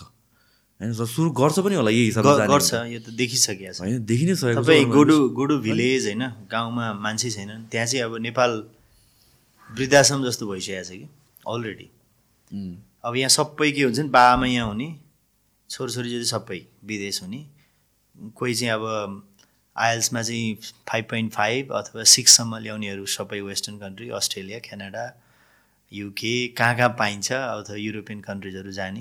अब बाँकी त्यो पनि नसक्नेहरू गल्फतिर जाने। अब अलिकति पढ्न जाँगर भएकाहरू कोरियाको त्यो पढेर जाने यस्तो यस्तो भइरहेछ। मलाई के लाग्छ भन्दाखेरि हामीले धेरै चाहिँ पोलिटिकल अचिभमेन्ट पोलिटिकल फ्रिडमको मात्रै कुरा गऱ्यौँ कि? हाम्रो फोकस कहिल्यै पनि कति रोजगारी क्रिएट गर्ने कसरी इम्प्लोइमेन्ट अपर्च्युनिटी दिने होइन यो यो कुराहरू चाहिँ हामीले कहिले डिबेटै गरेनौँ। हाम्रो नेसनल डिस्कोर्समै आएन। जबसम्म मान्छेले नि आर्थिक रूपमा ऊ अलिकति उसलाई खान बस्न पुग्ने खालको त्यो गर्न सक्दैन नि तबसम्म हामीले जति नै डेमोक्रेसीका कुरा गरे पनि त्यसले हेल्प गर्दैन क्या नेपालमा अहिले भइरहेकै त्यही हो। अब यहाँ सबै नेताहरूको भाषण सुन्नुभयो भने ए हामीले चाहिँ यस्तो संसारको उत्कृष्ट संविधान ल्याएको छ सङ्घीयता ल्याएको छ धर्म निरपेक्ष बनाएको छौँ। So what youths will ask question क्या? जब छ कि छैन? आज पढिसकेपछि मैले जब पाउँछु कि पाउँदिनँ। होइन? अब म कसरी मेरो जीविका जीविकोपार्जन गर्न सक्छु भन्ने पो सोध्छ त मान्छेले। अब इकोनोमिक आस्पेक्ट हामी कम्प्लिटली इग्नोर गरेर खालि पोलिटिकल आस्पेक्ट मात्रै गरेपछि त यो त नेचुरल भयो नि फ्रस्ट्रेसन त। मान्छेहरूलाई त्यो उनी भएन सर्टेन्टी नै भएन। म मास्टर पढेर के गर्ने? अथवा म ब्याचलर पढिसकेर के गर्ने भन्ने नै नभएपछि अब यो सबै भाव हो। अब हाम्रो पोलिटिकल लिडरसिपले दे सुड सिरियसली थिङ्क कि अब हाम्रो चाहिँ भनेको इकोनोमिक डेभलपमेन्ट इकोनोमिक प्रस्पेरिटीतिर हामी लाग्नु पऱ्यो र मान्छेको लाइफमा चाहिँ मिनिङफुल चेन्ज कसरी ल्याउन सक्छौँ? त्यो पोलिटिकल पार्ट त छँदैछ। अब त्यो फ्रेमवर्क बनिसकोस् कन्स्टिट्युसन भयो। कन्स्टिट्युसनले हामीलाई एउटा फ्रेमवर्क दिएको छ। हामी चाहिँ ओपन मार्केट इकोनोमीमा छौँ होइन? अनि त्यसपछि सर्टेन हाम्रा लिबर्टिजहरू छन्। अब भनेको त गभर्मेन्टले त फेसिलिटेट गरिदिने हो क्या? स्टार्टअपलाई फेसिलिटेट गर्ने हो कि? ठुला ठुला इन्डस्ट्री ल्याएर मान्छेलाई इम्प्लोइमेन्ट दिने हो कि? के के त्यो पो गर्नु पऱ्यो त? अब त्यतातिर ध्यानै छैन। भर्खर एउटा चाहिँ म अब नेपालमा यो पनि डिबेट हुन्छ।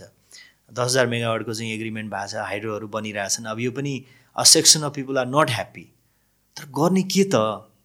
नेपालको रिसोर्स भने त हाइड्रो भयो अरू अरू रिसोर्सहरू होला। त्यो रिसोर्सलाई त हामीले युटिलाइज गर्नु पऱ्यो नि त। त्यो रिसोर्सलाई युटिलाइज गरेर यहाँको मान्छेको लाइफलाई चाहिँ चेन्ज ल्याउनु पऱ्यो क्या। मिनिङफुल चेन्जेस उनीहरूको थ्रु जब अपर्च्युनिटिज होला अरू अरू होला होइन? त्योतिर गर्नै पऱ्यो नि। अब हामी चाहिँ त्योतिर इमिडिएटली जानुपर्छ। अब यो पोलिटिकल पार्टो छोडिदिउँ क्या। फेडरलिजम पनि भयो सेक्युलरिजम पनि भयो whatever whatever we call जबसम्म हामीले आर्थिक रूपमा चाहिँ समृद्धि ल्याउन सक्दैनौँ तबसम्म त हालत त्यही हो। हाम्रो हेर्नुहुन्छ भने कन्स्टिट्युसन हामीले कतिचोटि चेन्ज गरिसक्यौँ। दुई हजार चारमा पद्म शमशेरले एउटा संविधान दिएको थिए त्यो मानेनौँ। सातमा प्रजातन्त्र आयो प्रजातान्त्रिक कन्स्टिट्युसन हामीले बनायौँ।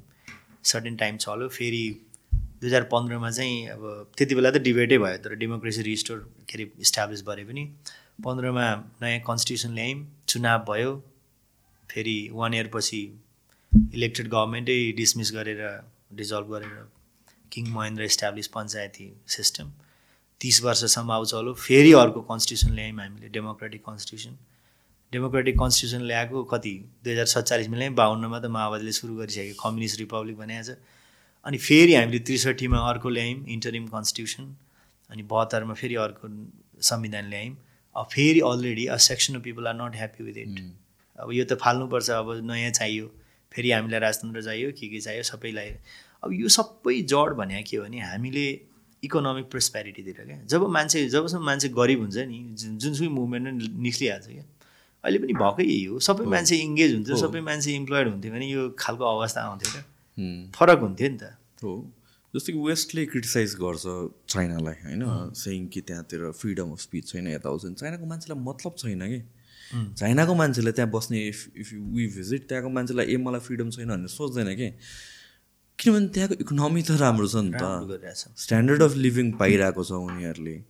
भनेर भनेपछि all this things might not be as important as you think main number one thing भने चाहिँ at the end of the day एउटा एउटा every citizen has a right to live with respect and dignity in their country भन्ने हो नि त। त्यो afford गर्न नसकेपछि देन पि राइट स्टार्ट हुने त्यसपछि हो प्रब्लम स्टार्ट हुने त्यसपछि हो। इकोनोमी बिग्रेकै कन्ट्रिजहरूमा क्राइम रेट्स हाई हुन्छ सिटिजहरूमा एरियाजहरूमा क्राइम रेट्स हाई हुन्छ। And I feel like we are heading towards the the direction त्यो डिरेक्सनमा जुन हिसाबले हामी भन्छौँ सोसियल मिडियामा अघि हामीले कुरा गरेर डिसिप्लिन छैन र सब मोर मोरल एथिक्सहरूको कुराहरू छ। जुन सोसाइटीमा हामी देखिरहेको छौँ यो भनेको आउटकम अफ फ्रस्ट्रेसन के को कारणले भनेपछि अगेन एकजना मान्छेले म काम गर्छु मेहनत गर्छु भन्दाखेरि पनि नपाएपछि जसले पढेको छ या भन्छ चाहिँ जसले सर्टन थिङहरू आफूमा वर्क गरेको छ स्किल लर्न गरेको छ उसको फ्रस्ट्रेसन बोलिरहेको हो नि त त्यो।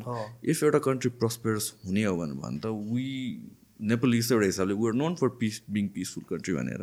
त किन मिलिरहेको छैन भने चाहिँ घुमिफिरिकन आउँछ इकोनोमीमै क्वेसन आउँछ क्या र जुन हिसाबले अहिले अब मान्छेहरू बाहिर गएछ अस्ति एउटा इन्ट्रेस्टिङली एउटा मैले एपिसोड गरेको थिएँ कि? सो अस्ट्रेलियामा मोस्ट स्टुडेन्टहरू गएर के गर्छ भनेपछि यो as old age care as care काम गर्छ होइन?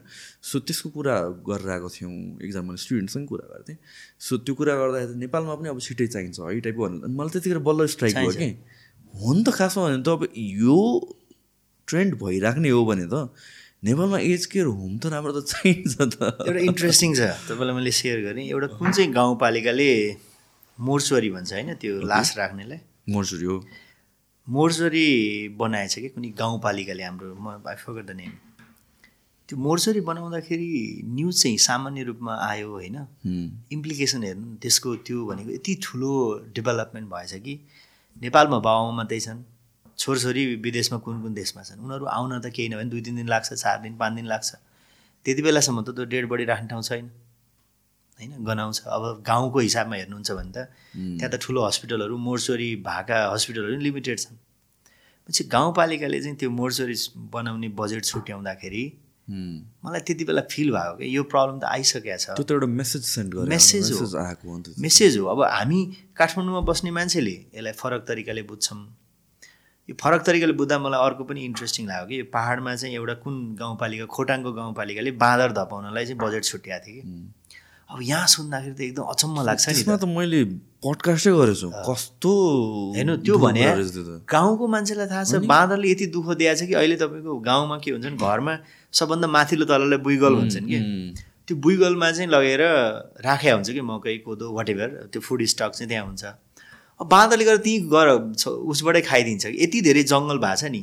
पहिले खेती गर्ने ठाउँ सबै जङ्गल छ। पहिले अहिले त सबै गाउँतिर बाटो बनाएका छन्। त्यो पहिले हामी फर इक्जाम्पल म ओखलडुङ्गा जन्मेको।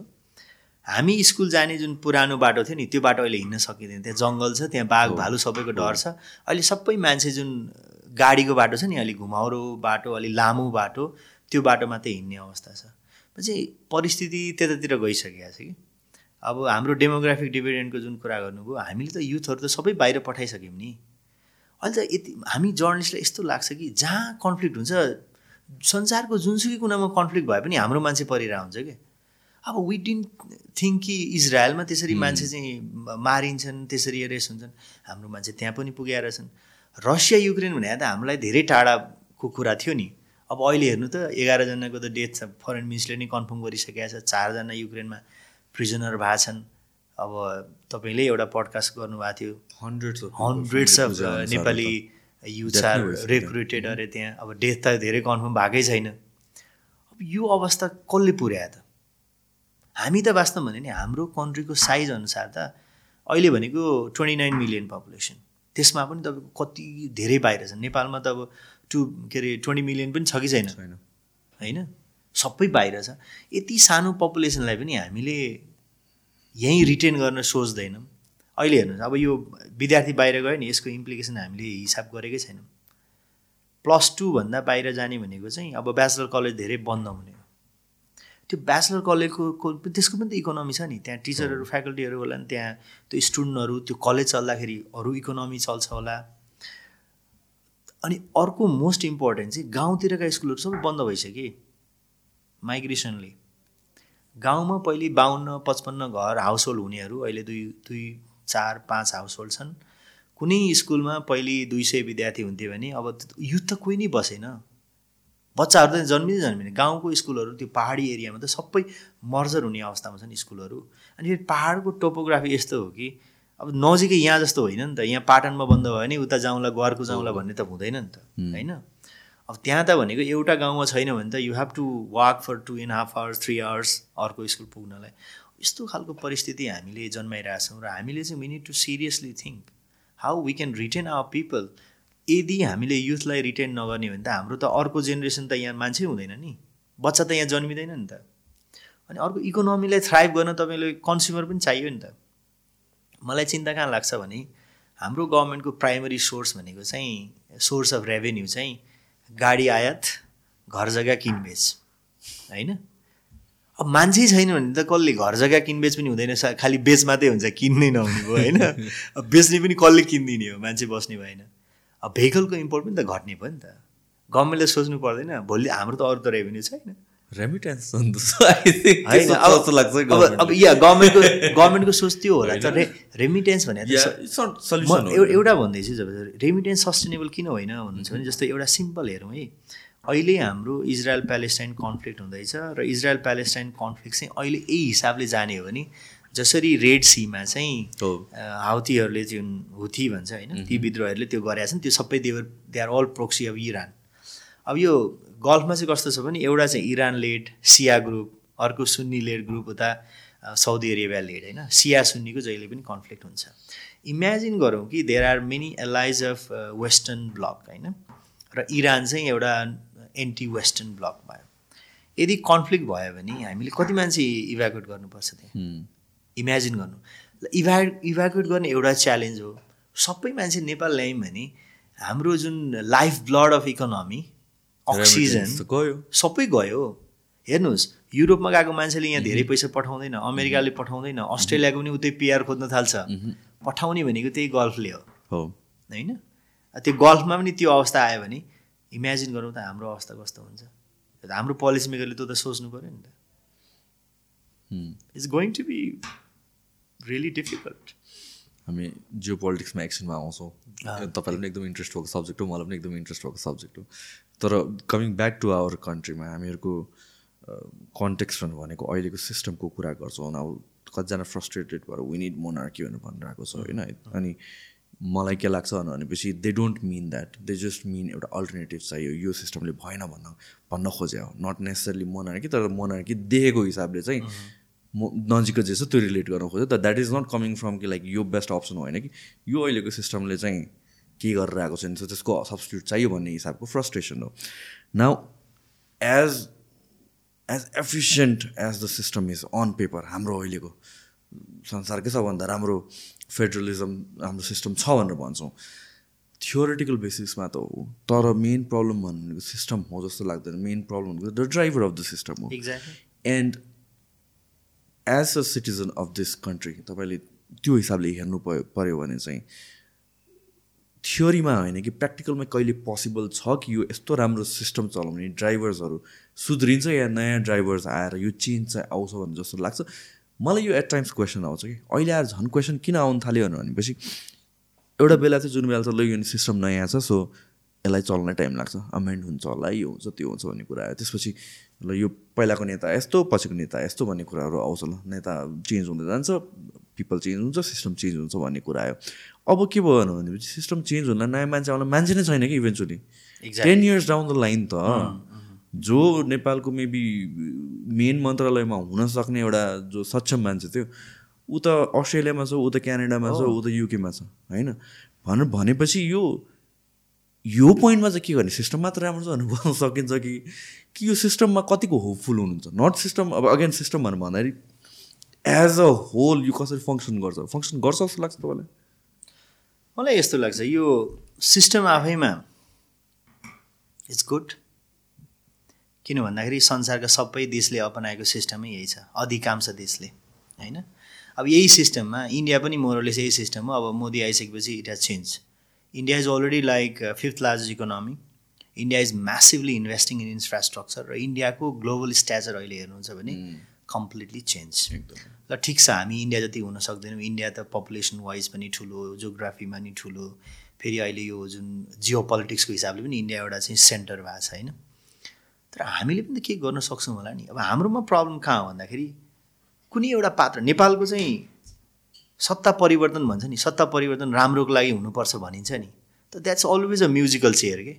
त्यो पात्र को हुन्छन् भने आज एकजना भयो भने भोलि अर्कोजना हुन्छन् त्यही त्यही त्यही बिचमा हो। काङ्ग्रेसको सभापति होलान् अथवा माओवादीको चेयरम्यान होलान् एमालेको चेयर अहिले पनि तपाईँको यहाँ सत्ता परिवर्तनको कुरा आइरहेछ। को हुन्छ अल्टिमेटली भन्दा नि तिनै पात्र हुन् जसले एउटा फेमस मिम नै छ नि शेरबहादुर ओली र प्रचण्ड त्यही चेयर चेन्ज गरेर बसिरहेको त्यही हो। अहिले भनेको म्युजिकल चेयर जस्तो भयो के? अब मलाई अर्को के लाग्छ भने हाम्रो पोलिटिसियनहरू चाहिँ यो रिटायर हुनु पर्दैन भने। युएसमा म एउटा सिम्पल इक्जाम्पल है मलाई कसैलाई अन्यथा होइन। जति बेला बाह्रकोमा वा स्टिल टिचिङ एट युनिभर्सिटी हाम्रोमा शेरबहादुर देउवा प्रधानमन्त्री हुनुहुन्थ्यो। प्रधानमन्त्री अथवा सत् सत्ताको एउटा ठुलै ठाउँ हुनुहुन्थ्यो। Barack Obama join politics became president for two terms होइन? कम्प्लिटेड एन्ड इज रिटायर्ड तर हाम्रोमा त जति बेला उहाँ पढाउँदै गरेका पात्रहरू अझै पनि हुनुहुन्छ र अझै they are still looking for becoming prime minister होइन? अथवा कन्ट्रीको चिफ एक्जिक्युटिभ हुनु अझै पनि प्रयास गर्नु। पछि यो चाहिँ चेन्ज हुनु पऱ्यो र हाम्रो सिस्टममा के भन्दाखेरि त्यो सक्सेसरलाई जन्माउ नजन्माउने कोही सक्सेसर हुन आयो भने त्यसलाई चाहिँ छिर्के लाएर हुन्छ कि केले त्यसलाई अगाडि आउनै नदिने। अनि त्यो पार्टीको सभापति होस् कि प्रधानमन्त्री होस् आर्यघाट जाउन्जेलसम्म त्यो ब्रह्मनालमा राख्छ नि त्यति बेलासम्म राखेर बसिरहनु पर्ने यो मानसिकता चाहिँ this has to go away र things have change a lot संसार अहिले कहाँबाट कहाँ पुगिसक्यो? गिग इकोनोमीका कुरा गर्छौँ के गर्छौँ? अब उहाँहरूले हाम्रो पुरानो नेताहरूले चाहिँ मलाई के लाग्छ भने उहाँहरूले गर्नुभयो। उहाँको कन्ट्रिब्युसन वाज रियली इमेन्स र नेपालमा चाहिँ चाहे त्यो राणा ओलिगार्की होस् चाहे पञ्चायती सिस्टम हो कसैले त फाइट गरिदिनु पर्थ्यो नि। यो खालको फ्रिडम जसरी हामी अहिले बोल्न पा पाइरहेछौँ। अब यही गर्न पनि कुनै बेला लाइसेन्स लिनु पर्थ्यो। हामीले यहाँ बोलेको केही तलमाथि भयो भने भोलि चाहिँ जिल्ला प्रशासन कार्यालयले चिठी लेखेर हामीलाई कता हनुमान ढोका कता लगाएर राख्थ्यो होला होइन? त्यो सिचुएसनबाट त हामीले चेन्ज गऱ्यौँ। पोलिटिकल अचिभमेन्ट हामीले सिग्निफिकेन्ट गरिसक्यौँ। अबको पालो भनेको इकोनोमिक एचिभमेन्ट इकोनोमिक गेन अब त्यसको लागि चाहिँ मलाई लाग्छ नयाँ भिजन सहितका नेताहरू देशमा आउनु पर्यो।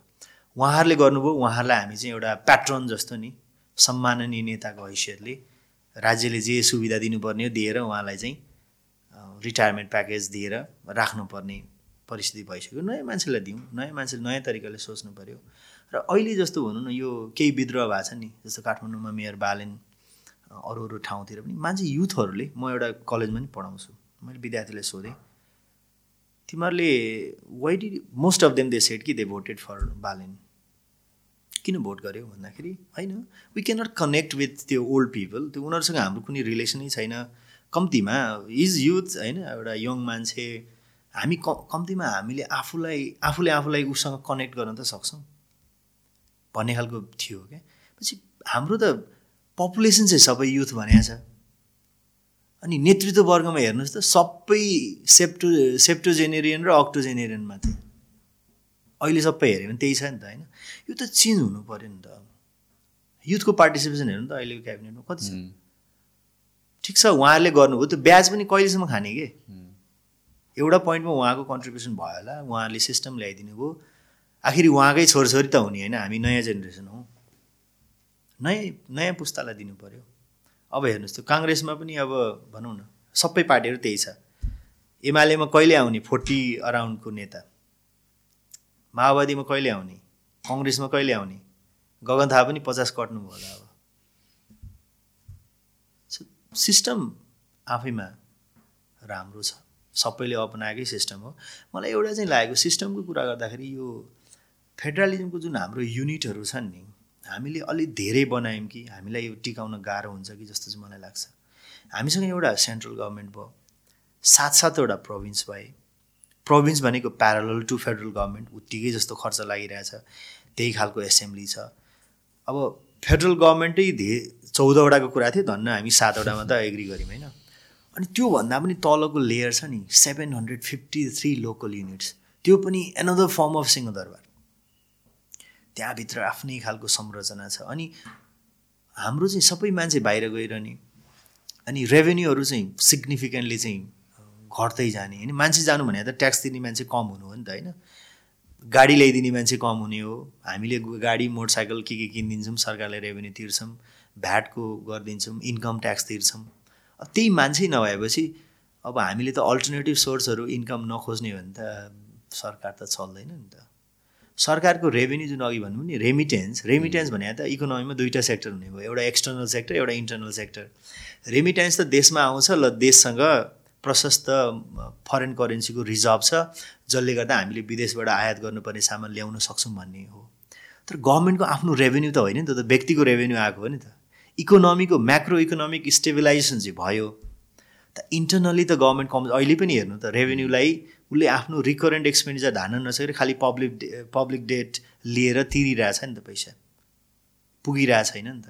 भनेपछि अल्टिमेटली यो त कहिलेसम्म रहन्छ? यो त सस्टेनेबल कुरा त होइन। त्यसैले हामीले चाहिँ I think we need to rethink अलिकति एकदम ब्रुटल्ली अनेस्ट हुनुपर्छ यसमा चाहिँ। यो पोलिटिकल गिभ एन्ड टेकतिर सोच्नु भएन। अब मान्छेले चाहिँ सबैले आफ्नो के हुन्छ भनेर मात्रै सोच्छ कि आफूलाई केन्द्रमा राखेर मात्रै डिसिजन गर्छ।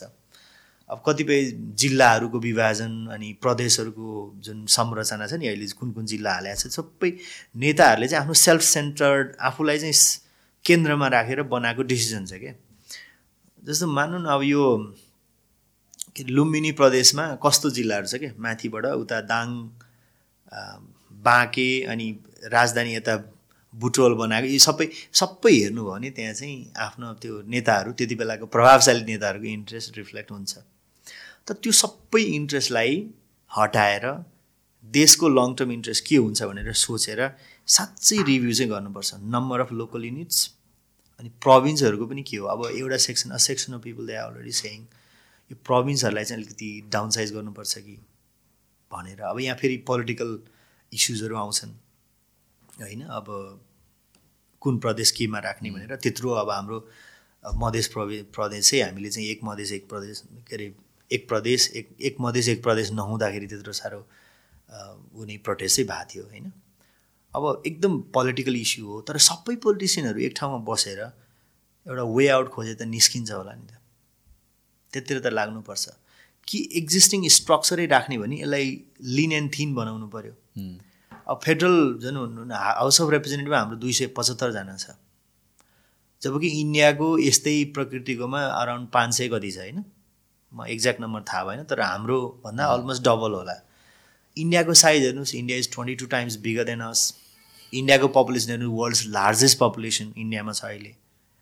त्यसको साइज त्यत्रो हुने अनि हाम्रो फेडरल पार्लिमेन्टको साइज यत्रो हुने अब नेसनल एसेम्ब्लीमा अर्को फिफ्टी नाइन छ। अब यो त चुनाव हारेको जति सबै त्यहाँ लगेर राख्ने जस्तो भएको छ अहिले। त्यो पनि एउटा पोलिटिकल डिसअनेस्टी हो नि। अब जबसम्म यो सबै कुरा हट्दैन नि। मान्छेहरूलाई चाहिँ त्यो रेज अफ होप चाहिँ आउँदैन। युथहरूमा विशेष गरी सबै मान्छेहरू विदेशिनु पर्ने कारण पनि त्यो एक खालको फ्रस्ट्रेसन हो। पोलिटिसियनले त अलिकति भनौँ न उनीहरूलाई त एउटा रेज अफ होप इन्स्टिल गर्न सक्नु पऱ्यो नि। कन्फिडेन्सै छैन मान्छेहरूलाई। सबै सोध्नुहोस् you ask anyone with starting grade twelve what is your plan भनेपछि आइल जस्ट गो अब्रड मेरो प्लान त विदेश जाने सक सके भएर राम्रो कन्ट्री जाने नभए जुनसुकै देश पनि जाने। डेस्परेसन हो कि अहिले मलाई लाग्छ यो रसिया युक्रेन पनि डेस्परेसन कि मान्छेले जसरी पनि जसरी पनि देश छोड्नु छ कि। अनि यो अवस्था ल्याउने त हाम्रो पोलिटिसियन हो नि। उनीहरूले मोरल रेस्पोन्सिबिलिटी लिनु पर्दैन। अब गयो भनेर अहिले एनओसी दिन्न के दिन्न भनेर भनेको छ नि। त्योभन्दा पहिले चाहिँ किन गइरहेछन् मान्छेले हेर्नु पऱ्यो नि। त्यसरी त त्यसरी होल्ड ब्याक गर्ने हो भने त राइट सुरु हुन्छ अब भने भन्ने हुन्छ त्यस त्यसरी इन्सेन्टिभले रोक्ने हो नि त। थ्रेटले रोक्ने होइन? जस्तो तपाईँको एउटा इन्ट्रेस्टिङ यो पासपोर्टमा जहिले भिड लाग्छ नि मेरो साथी हुनुहुन्छ कि नि जहिले काम गर्ने साथी डिजी पहिलेको साथी म कुरा गर्थेँ कि सर यो त इमर्जेन्सी हो इमर्जेन्सी बेडमा ओपेडका पेसेन्ट सबै आएपछि त भिडभाड त हुने भइगयो। देशभरिमा मान्छेले कति पासपोर्ट लिइरहेछन्? अनि त्यो देशभरिको मान्छेलाई पेसेन्स पनि छैन क्या। पन्ध्र दिनमा जिल्लामा पासपोर्ट आउँछ काठमाडौँमै आएर डबल दस्तो तिरेर एक हप्तामा लिन्छन् कि पासपोर्ट पछि यो पासपोर्टको भिडलाई पनि नि हामीले प्रेडिक्ट गर्नै नसकेको भिड भइरहेछ कि। पहिले चाहिँ ल यति मान्छे चाहिँ एभरेजमा आउँछन् भन्ने सोच थियो। अहिले त त्योभन्दा बढी भयो। यति धेरै छ कि सबैले पासपोर्ट लिने। पासपोर्ट लिएर रेडी बस्ने। र यसले गर्दा चाहिँ हामीलाई चाहिँ एज अ नेसन निकै ठुलो समस्या पार्छ जस्तो लाग्छ। एउटा सर्ट ब्रेक लिउँ है त। बाथरुम ब्रेक सो पोलिटिक्सको कुरा गर्दाखेरि हामीले छुट्याउन नसक्ने कुराहरू भनेको जियो पोलिटिक्स पनि हो होइन? हाम्रो त टु बी अनेस्ट हामी त एकदमै पर्फेक्ट ठाउँमा छौँ जस्तो लाग्छ। वेयर दुइटा economies from nothing to largest फोर्सेसमा बढेको छ र बढिरहेको पनि छ। अझ रोक्नै भने छैन। त्यो त्यो टाइड इन इट सेल्फले नै हामीलाई क्यारी गर्नुपर्ने हो जस्तो लाग्छ मलाई। त्यसले नै मोमेन्टम दिनुपर्ने हो जस्तो लाग्छ होइन? तर फर सम हाउ हामीहरू चाहिँ जुन एक्सपेक्टेसन्स थियो कि दुइटा इकोनोमिक लार्ज इकोनोमीको बिचमा भएपछि हामी आफै प्रस्पेरस भइहाल्छौँ नि भन्ने काइन्ड अफ र दिज आर फेरि इकोनोमी जुन चाहिँ don't interact with each other very well भनेपछि हामी मिडिएटर भएपछि त झन् बेटर पोजिसनमा हुनुपर्ने हो जस्तो लाग्छ। नेपालमा पोलिटिक्सको कुरा गर्दै जाँदाखेरि यो इन्डिभिजुअल सेल्फिसनेस मात्र हो कि यो जियो पोलिटिकल प्रेसर पनि नेपालमा सम सोर्ट अफ पर्छ जस्तो लाग्छ। जियो पोलिटिक्सको पनि असर अब पछिल्लो समय देख्न थालेको छ है। अब तपाईँले rightly you mention China is second largest economy nineteen trillion डलरको इकोनोमी भइसकेको छ होइन। चाइना इज ग्रोइङ एकदम स्टेडिली ग्रोइङ इभन टुडे अब अहिले चाहिँ अलिकति रिसेसन देख्न थालिएको छ चाइनामा India is already fifth largest economy despite the fact that its economic size is just about four trillion कति भन्छ है but then India is also growing एकदम ऱ्यापिडली र इन्डियाको प्राइम मिनिस्टरले त रिसेन्टली हेज अनाउन्स कि by twenty thirty we want to make India third largest economy in the world I think which is possible पनि अब यो स्पिल ओभर इफेक्ट किन आएन भन्दाखेरि मलाई लाग्छ एउटा चाहिँ यिनीहरू ग्रो गर्न थालेको पनि भर्खर भर्खरै हो कि? र जति बेला यिनीहरू ग्रो गरिरहे हामी चाहिँ पोलिटिकल ट्रान्जिसनमै अल्मलिरह्यौँ। हामी त भनौँ न अब चाइनाको एकदम बाहिर एकदम significant rise rise of China भन्छ नि अहिले। त्यो भनेको two thousand early two thousand पछाडि देखिन्छ। अब त्यति बेला त हामी माओइस्ट कन्फ्लिक्ट टु थाउजन्ड सिक्समा फेरि मुभमेन्ट भयो पोलिटिकल ट्रान्जिसन संविधान जारी गर्न दुई हजार पन्ध्रसम्म लाग्यो होइन? अब त्यो हामी ट्रान्जिसनमै सक्यौँ। हामीले त we could not focus we could not devote our resources for economic development अब इन्डिया बिस्तारै छ। अब फेरि कस्तो मलाई लाग्छ भन्दाखेरि हामीले बेनिफिट पाउन चाहिँ हाम्रो नेबरिङ एरिया डेभलप हुनु पऱ्यो कि। नेपाललाई साँच्चै बेनिफिट इन्डियाको इकोनोमिक बेनिफिट गर्ने भने चाहिँ हामीलाई बिहार र उत्तर प्रदेश डेभलप हुनु पऱ्यो कि।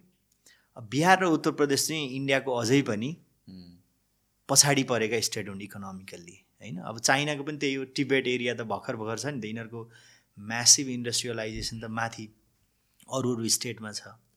भनेपछि जब यिनीहरूले यो एरियामा फोकस गर्छन् इन्डियाले पनि होपफुल्ली अब अहिले त त्यही देखिन्छ। अब राम टेम्पलको भर्खर उद्घाटन हुँदैछ भनेपछि गभर्मेन्टको रिलिजियस मात्रै होइन। अब इकोनोमिक हिसाबले पनि यो उत्तर उत्तर प्रदेश बिहार चाहिँ अलिकति फोकस एरिया हुन्छ जस्तो लाग्छ मलाई।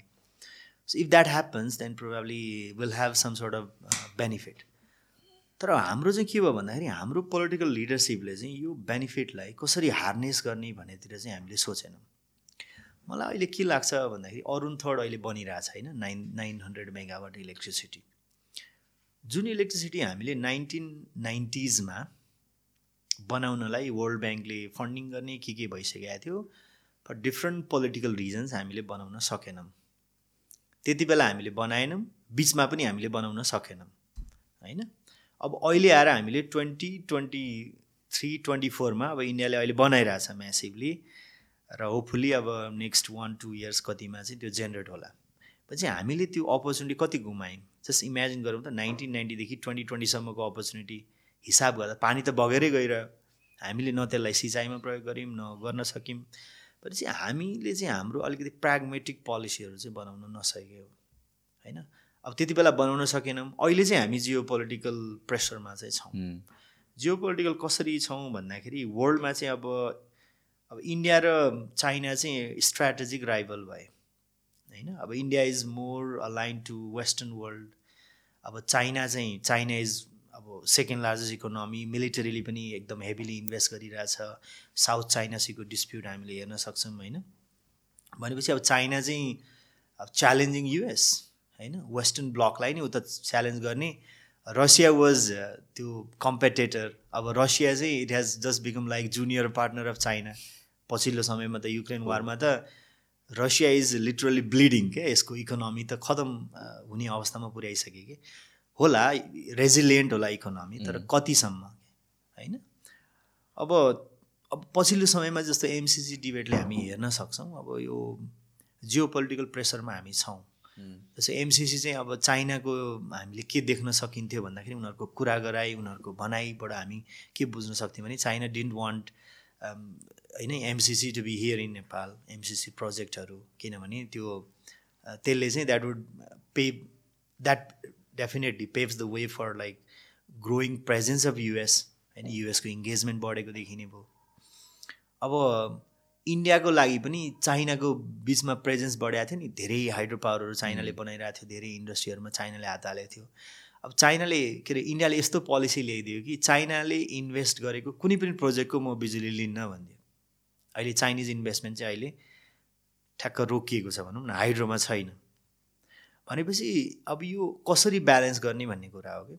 इन्भेस्टमेन्ट त आउन खोजेको थियो। होइन अब इन्डियाले आफ्नो यो एरियाले आफ्नो स्ट्राटेजिक एउटा स्पियर अफ इन्फ्लुएन्सको रूपमा लिन्छ। स्ट्राटेजिक एरिया भयो इन्डियाको चाइना पनि it feels the same way मेरो नेबरहुड चाहिँ मेरो हस्टाइल नहोस्। त्यो हस्टाइल नहुनको लागि चाहिँ उसले धेरै त्यो अरू कन्ट्रीहरूले चाहिँ यहाँको गभर्मेन्टलाई मेन्युभर गरेको। मेन्युभर गर्न सक्ने अवस्था चाइना डजन्ट वान्ट यो बिचमा चाहिँ अब नेकपा भनेर जुन एकता भयो नि सबै कम्युनिस्ट पार्टीहरूको many people say we don't have any evidence तर many people they believe they say that they was China behind it होइन? पार्टी एकता भयो काङ्ग्रेस त पपुलर भोट धेरै भए पनि वाज एकदम अपोजिसन पार्टी एउटा पनि पोजिसन गभर्मेन्टको पोजिसनहरू काङ्ग्रेसमा थिएनन्। अब त्यही भएर चाहिँ यो दोस्रो इलेक्सनमा चाहिँ यिनीहरूले फेरि कङ्ग्रेस र माओवादी मिले। अब UML despite the fact that is second largest party अनि पपुलर भोटको हिसाबले धेरै भोट हुँदा पनि अब अपोजिसनमा बस्नुपर्ने अवस्था भयो। सो यो हामी सबै देख्न सक्छौँ क्या। Geo political pressures is already there अब यसको लागि चाहिँ how do we properly manage the interest उनीहरूको इन्ट्रेस्ट भने चाहिँ नेपाल हामीप्रति हस्टाइल नहोस् होइन? And if we are able to convince दुइटै नेबरलाई हामी तिमीहरूप्रति हस्टाइल हुँदैनौँ। हाम्रो नेपाली सोयल तिमीहरूको अगेन्स्टमा हामी प्रयोग गर्न दिँदैनौँ भनेर फुल एस्योर फुल्ली एस्योर गर्न सकेको खण्डमा हामीले त्यो अपर्च्युनिटी लिन सक्छौँ होला। तर अगेन एज यु सेड अब इन्डिया र चाइनाको जुन खालको उनीहरू फेरि bilaterally they are doing pretty good उनीहरूको बिजनेस भोल्युम हेर्नुहुन्छ भने यति बढिरहेछ नि। अब चाइना भनेको चाहिँ ग्लोबल एउटा म्यानुफ्याक्चरिङ प्लान्ट भयो कि। Not just for India for all entire world अब त्यो हिसाबले चाहिँ हामीले बेनिफिट लिन चाहिँ we got to be very pragmatic and we should be able to address दुइटै पार्टीको चाहिँ उनीहरूको security interest I I think most important भनेर सिक्युरिटी इन्ट्रेस्टकै कुरा आउँछ अनि त्यसपछि जुन हिसाबले चाइना इज अग्रेसिभ होइन ताइवानको केसमा हेरौँ या भनेर भन्छ वेस्टसँग जुन छ र एमसिसीको कुरा आयो अब एमसिसीमा आउने बेलामा थुप्रै डिबेटहरू आएको थियो तर मेन कन्सर्न लाइक मेरो पर्सनली वाज लाइक हामी सेकेन्ड युक्रेन जस्तो हुन्छौँ कि? भन्ने हिसाबले जहाँ चाहिँ हाम्रो सोइल युज हुनसक्छ अनि our never might feel threatened अनि त्यसपछि त्यस they will be push towards like responding against us or whoever that's using our soil भन्ने कुरा। त्यो कहिले कन्सर्न लाग्छ लाग्दैन। Not because the contract itself होइन होला द प्रोजेक्ट इट सेल्फ होइन होला तर जुन इन्कम्पिटेन्स छ हाम्रो फरेन पोलिसी भन्ने कि फरेन पोलिसी इन एक्सनको कुरा गरौँ। अन पेपर र इन एक्सन हाम्रो फेरि डिफ्रेन्ट छ है। सो जुन इन एक्सन छ र दिस हाम्रो नेबर्सले पनि नोटिस गर्छ डेफिनेटली नै। त्यो कारणले त ऊ थ्रेटन भएको हो नि त। यसको तपाईँलाई कहिले थ्रेट फिल भयो कि भएन? कन्सर्न्स फिल भयो कि भएन? मलाई यस्तो लाग्छ हाम्रो पोलिसीमा चाहिँ अलिकति कन्सिस्टेन्सी चाहिँ भइरहेको छैन। पोलिसी भनेको बिहेभियर भनौँ न। अन पेपर इज गुड अब हाम्रो कुनै पार्टी सरकारमा आउँदाखेरि seems like very close to China right closer to China कुनै अर्को पार्टी आयो भने क्लोजर टु इन्डिया अब यस्तो खालको इन्कन्सिस्टेन्सी भयो भने चाहिँ नेबरले हामीलाई नपत्याउने कारण नै यही हो। हामी कन्सिस्टेन्ट क्या no matter who comes in to power has to have a same policy same behaviour के। हाम्रो फरेन पोलिसी बिहेभियर चाहिँ एउटै हुनु पऱ्यो नेसनल इन्ट्रेस्ट अब पर्सनल नेसनल अब अब यहाँ हाम्रो प्रब्लम कहाँ छ भन्दाखेरि एउटा बुढी गण्डकीको एकदम क्लासिकल इक्जाम्पल छ कि। सर्टेन पार्टी आउने चाइनालाई दिने कन्ट्र्याक्ट अर्को पार्टी आउने इन्डियालाई दिने। लास्टमा केही नलागेपछि अब नेपाल सरकारले बनाउने भनेर चुप लाग्यो। किनभने त्यो त अब जसलाई दिए पनि त एउटा वान अफ द नेबर्स त रिसाउने भयो इमिडिएट नेबर्स होइन। चाइना चाइनालाई दिँदा इन्डिया रिसायो इन्डियालाई दियो अब चाइना रिसायो। अब गर्ने के त भन्दाखेरि बरु आफै बनाउने भनेर अहिले ल्याएछन् बनाउँछन् बनाउँदैन थाहा छैन। द्याट्स अ क्लासिक इक्जाम्पल अब त्यहाँ कन्सिस्टेन्सी भएको भए हुन्थ्यो नि त। ल बुढी गण्डकी हामी यो कन्ट्रीलाई दिन्छौँ। सबै कन्ट्री सबै पार्टीहरूले एग्री गरेर ल ठिक छ अर्को प्रोजेक्ट हामी अर्को नेबरलाई दिउँ। If we cannot build on ours on our on भनेर त्यसरी गरे पनि हुन्थ्यो। अब यो मिलिटरी प्रेजेन्सै नेपालमा हुन्छ कि हुँदैन भन्ने विषयमा चाहिँ मलाई चाहिँ त्यति धेरै नेपालमा मिलिटरी नै आइहाल्छ भने जस्तो चाहिँ लाग्दैन। नट मेबी नट मिलिटरी तर मेबी इन्टेलिजेन्स युनिट्स हुनसक्छ या अर एनी काइन्ड अफ थिङहरू भनौँ न इन द फ्युचर अहिले नहोला. Long ahead in the future किनभने त वी नेभर नो भन्ने कुरा हामी कस्तो गेटवे ओपन गरिरहेको छु भन्ने हिसाबले. अब यस्तो छ अब हामी अलिकति स्ट्राटेजिक ठाउँमा भएकोले सबै कन्ट्रीहरूको एउटा भाइटल इन्ट्रेस्ट भएको एरिया भयो क्या मैले चाहिँ मैले बेलायतबाट मास्टर डिग्री गरेको इन्टरनेसनल रिलेसनमा मैले मेरो त्यति बेलाको थेसिस पनि यो नेपाल कसरी how it has transform itself into strategic epicentre for different countries neighbouring country पहिले त हामी त उयो लाइक स्ट्राटेजिक ब्याकयार्ड जस्तो थियो होइन। कसैले खासै मतलब पनि गर्दैन थियो। हामी विच टु से हामी नन अलाइन कन्ट्री हामी कसैलाई पनि उयो गर्दैनौँ। अब हामीले चाइनाको हिसाबमा पनि वान चाइना पोलिसी हामीले सुरुदेखि नै एडयर गरेकै हो।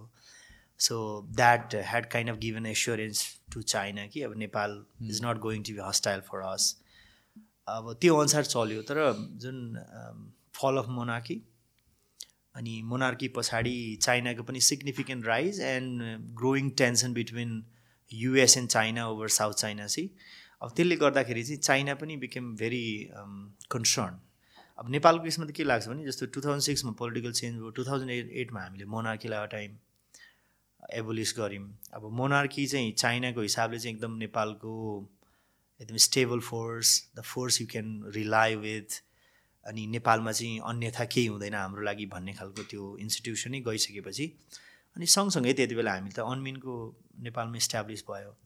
र अनमिनलाई चाहिँ चाइनाले हेर्ने पर्सपेक्टिभ भनेको चाहिँ वेस्टको ग्रोइङ इन्फ्लुएन्स भन्ने भयो र टु थाउजन्ड एट पछाडि चाइनाको इङ्गेजमेन्ट नेपालमा चाहिँ सिग्निफिकेन्ट बढ्यो। त्यति बेला अर्को के पनि भएको छ भने यो टिबेटनको प्रोटेस्ट के? यो बेजिङ ओलम्पिकको आसपासमा यहाँ चाहिँ टिबेटन एक्जाइल्सहरूको चाहिँ एभ्री डे जस्तो प्रोटेस्ट हुन्थ्यो। हात्तीसार र चाइनिज एम्बेसीमा अनि बौद्धतिर कता कता। अब त्यो चाहिँ प्रोटेस्ट आफैमा सानो भए पनि द्याट वाज सिम्बोलिक होइन? अनि चाइना चाहिँ became more assertive towards Nepal र चाइनाको इङ्गेजमेन्ट चाहिँ इन्क्रिज म्यानिफल त्यो बिचमा। पहिले पहिले चाहिँ स्टेट टु स्टेट रिलेसन मात्रै राख्थ्यो। अनि चाइनाले चाहिँ सिभिल सोसाइटीसँग पोलिटिकल पार्टीसँग ब्युरोक्रेसीसँग आर्मीसँग सिक्युरिटी एजेन्सीसँग तपाईँले देख्नुभयो भने यो आर्म पुलिस फोर्सको त्यो रा रियट गियरहरू छ नि यस्तो सबै त्यति बेला चाइनाले दिएको थियो कि। उसको इन्ट्रेस्टको हिसाबले। भनेपछि हामीले त्यो पोइन्टमा कतै न कतै चाइनाको सेक्युरिटी इन्ट्रेस्टलाई चाहिँ हामीले अथवा सेक्युरिटी कन्सर्नलाई हामीले एड्रेस गर्न नसकेका हो कि। चाइना ग्रो भइसकेपछि अब यो त कस्तो हुन्छ भने एउटा चाहिँ इङ्गेज इङ्गेजमेन्ट बढ्यो भने त अर्को पनि बढ्छ। इन्डियाको अभियसली झन् बढ्यो होइन? इन्डियाको अभियसली पहिलेदेखि नै थियो। अब इन्डियालाई पनि मेबी फिल भयो होला कि हाम्रो इङ्गेजमेन्ट त चाइनाभन्दा कम भयो कि भने त्यो इङ्गेजमेन्ट बढ्यो। सँगसँगै युएसको वेस्टर्न कन्ट्रिजहरू जस्तो युरोपियन युनियन लगायतहरूको पनि इङ्गेजमेन्ट चाहिँ बढेकै फिल हुन्छ। त्यति बेला त अब संविधान यो कन्स्टिट्युसन ड्राफ्टिङकै कुनै कुरा थियो कतिपय कुराहरू उनीहरूका पनि इन्ट्रेस्टका कुराहरू थियो होला धेरै मान्छेले भन्छन् सेक्युलरिजम त बाहिरबाट आएको हो नेपालको त एजेन्डै थिएन पनि भन्छन् होइन? हुनसक्ला यो खालका इन्ट्रेस्टहरू थिए। अब इङ्गेजमेन्ट अहिले बढ्या छ। अब जसरी जति चाइनाको राइज हुँदै जान्छ जति इन्डियाको राइज हुँदै जान्छ थर्ड कन्ट्रिजहरूको भनौँ न अरू पावरहरूको पनि नेपालमा इन्ट्रेस्ट चाहिँ बढ्दै जान्छ होइन? र इङ्गेजमेन्ट जस्तो एमसिसीको फर्ममा होस् अरू फर्ममा होस् त्यो इङ्गेजमेन्ट बढ्दै जान्छ। अब हाम्रो च्यालेन्ज भनेको चाहिँ यो इन्ट्रेस्टलाई अभियसली उनीहरूले त इन्ट्रेस्ट देखाउने नै भए त्यो इन्ट्रेस्टलाई हामीले कसरी म्यानेज गर्ने हो? यदि इन्ट्रेस्टलाई प्रपरली म्यानेज गऱ्यौँ भने त्यो एसिस्टेन्स बन्न सक्छ त्यो सपोर्ट बन्न सक्छ। अब इन्ट्रेस्टलाई हामीले राम्रो म्यानेज गरेन भने त्यो इन्टरफेरेन्स हुन्छ। अब नेपालको हाम्रो पोलिटिकल लिडरसिपले चाहिँ यस्तो खालको अलिकति इमेच्योर खालको बिहेभियर देखाउँदाखेरि त्यो एट टाइम्स त्यो कता कता चाहिँ त्यो के भन्छ इन्टरफेरेन्स भएको चाहिँ भान हामी देख्छौँ। त्यो त्यो खालको फिल चाहिँ हामी हामी पाउँछौँ। भन्नु पऱ्यो नि त दिस इज यो लिमिट अब हामी चाहिँ यति गर्न सक्छौँ भनेर क्लियरली भनिदिएपछि त होइन अरूले त त्यति त्योभन्दा बढी उता गर्दैन होला नि त। त्यो प्रब्लम चाहिँ हामीमै छ जस्तो लाग्छ। र यदि हामीले यसलाई प्रपरली यो कम्पिटिङ इन्ट्रेस्ट अफ मेजर पावर्सलाई हामीले नेपालमा प्रपरली म्यानेज गर्न नसक्ने हो भने चाहिँ देयर विल प्रब्लम जुन हामीहरू अन थियोरीहरू भन्छ। वी आर नन अलायन्ट हामीहरू कहीँतिर पनि लिन गर्दैनौँ भनेर भन्छ। बट देन अगेन अघि तपाईँले rightfully so party who is in पावरले determine गरिरहेको हुन्छ कहाँतिर लिन गरिरहेको छ। न इन दिस वर्ल्ड जहाँ चाहिँ नेपालमा फरेन कन्ट्रिजको प्रेजेन्स छ र यहाँ इन्टरेक्सन पनि भइरहेको छ र बिस्तारै ग्रो हुँदै पनि जान्छ इभेन्चुली हामी नन अलायन्ट भएर बस्न सक्छौँ। इज अ बिग क्वेसन वास्तवमा भन्यो भने यो कस्तो देखिन्छ भने नि वर्ल्ड चाहिँ यति धेरै पोलराइज भइरहेछ। पहिले चाहिँ एउटा अवस्था थियो you could choose to be non align country के अब चाहिँ यति धेरै पोलराइज भइरहेछ कि त्यो एउटा पोइन्टमा चाहिँ नसकिने हो कि। किन सबै कन्ट्रीहरूले त त्यो यति पावर भइरह त्यो उनीहरूले चाहिँ आफ्नो इन्ट्रेस्टलाई प्ले गरिरहेछन्। जस्तो हेरौँ अब त्यति बेला त सोभियत लेड ब्लक एउटा भयो यु के अरे युएस लेड एउटा ब्लक भयो अनि हाम्रो नेबरिङ कन्ट्री जस्तो इन्डिया चाइना त्यो part of like non aligned जस्तो भएर बसिदिएको थियो कि अनि त्यति बेला हामीलाई सहज पनि भएको थियो होइन? For a long time that worked अब यसले काम गर्छ कि गर्दैन भन्ने कुरा चाहिँ जस्तो ट्विन टावर अट्याक भइसकेपछि जर्ज डब्लुसले भने हो नि होइन? Are with the terrorist or with us the is no in between भोलि त्यस्तै अवस्था आउने हो कि? तर पनि यस त्यो अवस्था आउला। तर we should be treading very carefully हामी चाहिँ we cannot afford to be party to any of the block even now किनभने हामी यस्तो अवस्थामा छौँ कि एकातिर चाइना छ अर्कोतिर इन्डिया छ। चाइना र इन्डिया चाहिँ एउटै ब्लकमा हुन्थे भनेदेखि सायद गर्न सकिन्थ्यो होला होइन? नन अलाइन पनि हुन्थ्यो कि बा। ल है तिमीहरू आफ्नो हिसाबले गर but then we want to be we want to remain non align अब पार्टी जस्तो भनौँ न अब चाइना एउटा एउटा पक्ष भयो इन्डिया एउटा पक्ष भयो अब उनीहरूले त they jostle each other for influence भोलि गएर चाहिँ लो you're either with us or with China भनिदियो भने अर अर विथ इन्डिया भनिदियो भने के गर्ने? र जोग्राफिकल पोजिसनको कुरा पनि भएन कि हाम्रो इकोनोमिकल पोजिसन पनि हेर्ने हो भने हामी सेल्फ डिपेन्डेन्ट नै छैनौँ कि we can choose to be हुन्छ नि हामी ल हामीलाई केही मतलब छ नि तिमीहरूसँग हामी आफ्नै गर्छौ तिमीहरू आफै गर भनेर भन्न पनि मिल्दैन कि। हामीले चाहिँ इथर यहाँबाट फन्ड लिनुपर्छ उताबाट फन्ड लिनुपर्छ के भन्छ बाहिरबाट फन्ड लिनुपर्छ। कहीँ न कहीँबाट फन्डको लागि डिपेन्डेन्ट त हुनु पऱ्यो पऱ्यो र geography dictates our foreign policy हामी इन्डियासँग क्लोज नभएर हाम्रो विकल्पै देखिएन नि त होइन? क्लोज चाहिँ हुनु पऱ्यो मलाई लाग्छ हामी क्लोज त्यो हदसम्म हुने जति बेलासम्म हाम्रो स्ट्राटेजिक अटोनोमी चाहिँ कायम रहन्छ। त्यो कसरी गर्ने भन्ने कुरा चाहिँ इट्स भेरी अगेन च्यालेन्जिङ जस्तो भनौँ न अहिलेसम्म त हामीले के भने होइन India is not our real friend भन्ने हिसाबले गऱ्यो नि त। हामीले इङ्गेजमेन्ट पनि कम गऱ्यौँ हाइड्रो पावरहरू पनि रोकेर राखिराख्यौँ। अब अल्टिमेटली के हुँदो रहेछ त होइन हाइड्रो पावर अब बना नबनाउने भने त्यत्तिकै पानी जाने अरुण थर्ड टाइपको होइन। नाइन्टिन नाइन्टीमा बन्न खोजेको थियो नाइन्टिन नाइन्टिजमा। हामीले बनाउन सकेनौँ। अहिले भर्खर बन्दैछ बनाउने को भयो त? इन्डिया भयो। ल हामीले बनाए पनि बेच्ने कहाँ त? इन्डियालाई बेच्ने अथवा बङ्गलादेशलाई बेच्ने अहिले कुरा भइरहेछ। जुलाईदेखि फोर्टी मेगावट जाँदैछ। त्यो पनि इन्डियालाई कन्फिडेन्स ला नराखेर त हामी जान सक्ने अवस्था त्यो पनि बेच्न सक्दैनौँ। भनेपछि इट्स इट्स इट्स डिफिकल्ट तर अब हामीले गर्नुपर्ने चाहिँ closer economic cooperation while avoiding त्यो military alliance anything like that त्यही नै होला हाम्रो इन्ट्रेस्ट इकोनोमिक हिसाबले सबैसँग हामी इङ्गेज हुने मिलिट्री हिसाबले हामी कसैसँग पनि इङ्गेज नहुने. We we just want to we do not want to be party to any of the military alliance भनेर जुन अब एमसिसीमा पनि त्यही त डिबेट भयो नि। लास्टमा हामीले पार्लियामेन्टबाट हामी अब ठिक छ इकोनोमिक कोअपरेसनको हिसाबले हामी सबैमा हामी पार्ट हुन तयार छौँ। We want to be part of BRI we want to be part of MCC we want to be part of any other projects but then again we don't want to be part of military alliance भन्ने नि assure गरे त्यो basically twelve point clarification point छ नि। हाम्रो आशंका पनि त्यही थियो। बा कतै यो त इन्डो पेसिफिक स्ट्राटेजीको केही पार्ट हो अथवा मिलिटरी अलायन्स हो कि भन्ने आशंकालाई हामीले चिरेको मात्रै हो। मलाई लाग्छ हाम्रो वे फरवर्ड पनि त्यही नै होला। इकोनोमिक हिसाबले त हामी इङ्गेज हुनै पऱ्यो ग्लोबलाइजेसन पनि भयो। हामी डब्लुटिओको मेम्बर पनि भयौँ। अब त्यो नभइकन हामीले केही पनि ल्याउन सक्ने अवस्था पनि रहेन। एफडिआईदेखि लिएर अरू होइन? तर फेरि मिलिटरी अलायन्स हुनु थाल्यो भने त हामी त फेरि सर्भाइभ हुनै गाह्रो हुन्छ। र त्यो मात्र होइन हामीहरूको जुन हिसाबले अहिले कन्फ्लिक्ट अनफोल्ड भइरहेछ संसारभरि नै एउटा हिसाबले मिडल इस्टमा त म्यासिभ नै अब रिजनल नै हुँदै गइरहेको छ एउटा हिसाबले त बढिरहेको छ। यो बेलामा त हामीले साइड चुज गरेर पनि हुँदैन किनभने हाम्रो मान्छेहरू त फेरि त्यहीँ छ नि त। त्यही छ। हाम्रो सिटिजन सबै त्यही छ नि। भेरी इन्ट्रेस्टिङ जति बेला हाम्रो यो हमासले अक्टोबर सेभेनमा अट्याक गर्यो नि इजरायलमा त्यति बेला हामीले immediately issued press statement condemning त्यो terrorist attack but then we realise हाम्रो दसजना मान्छे त मरिगयो होइन? सँगसँगै एकजना मान्छे त अझै क्याप्टिभिटीमा छ नि।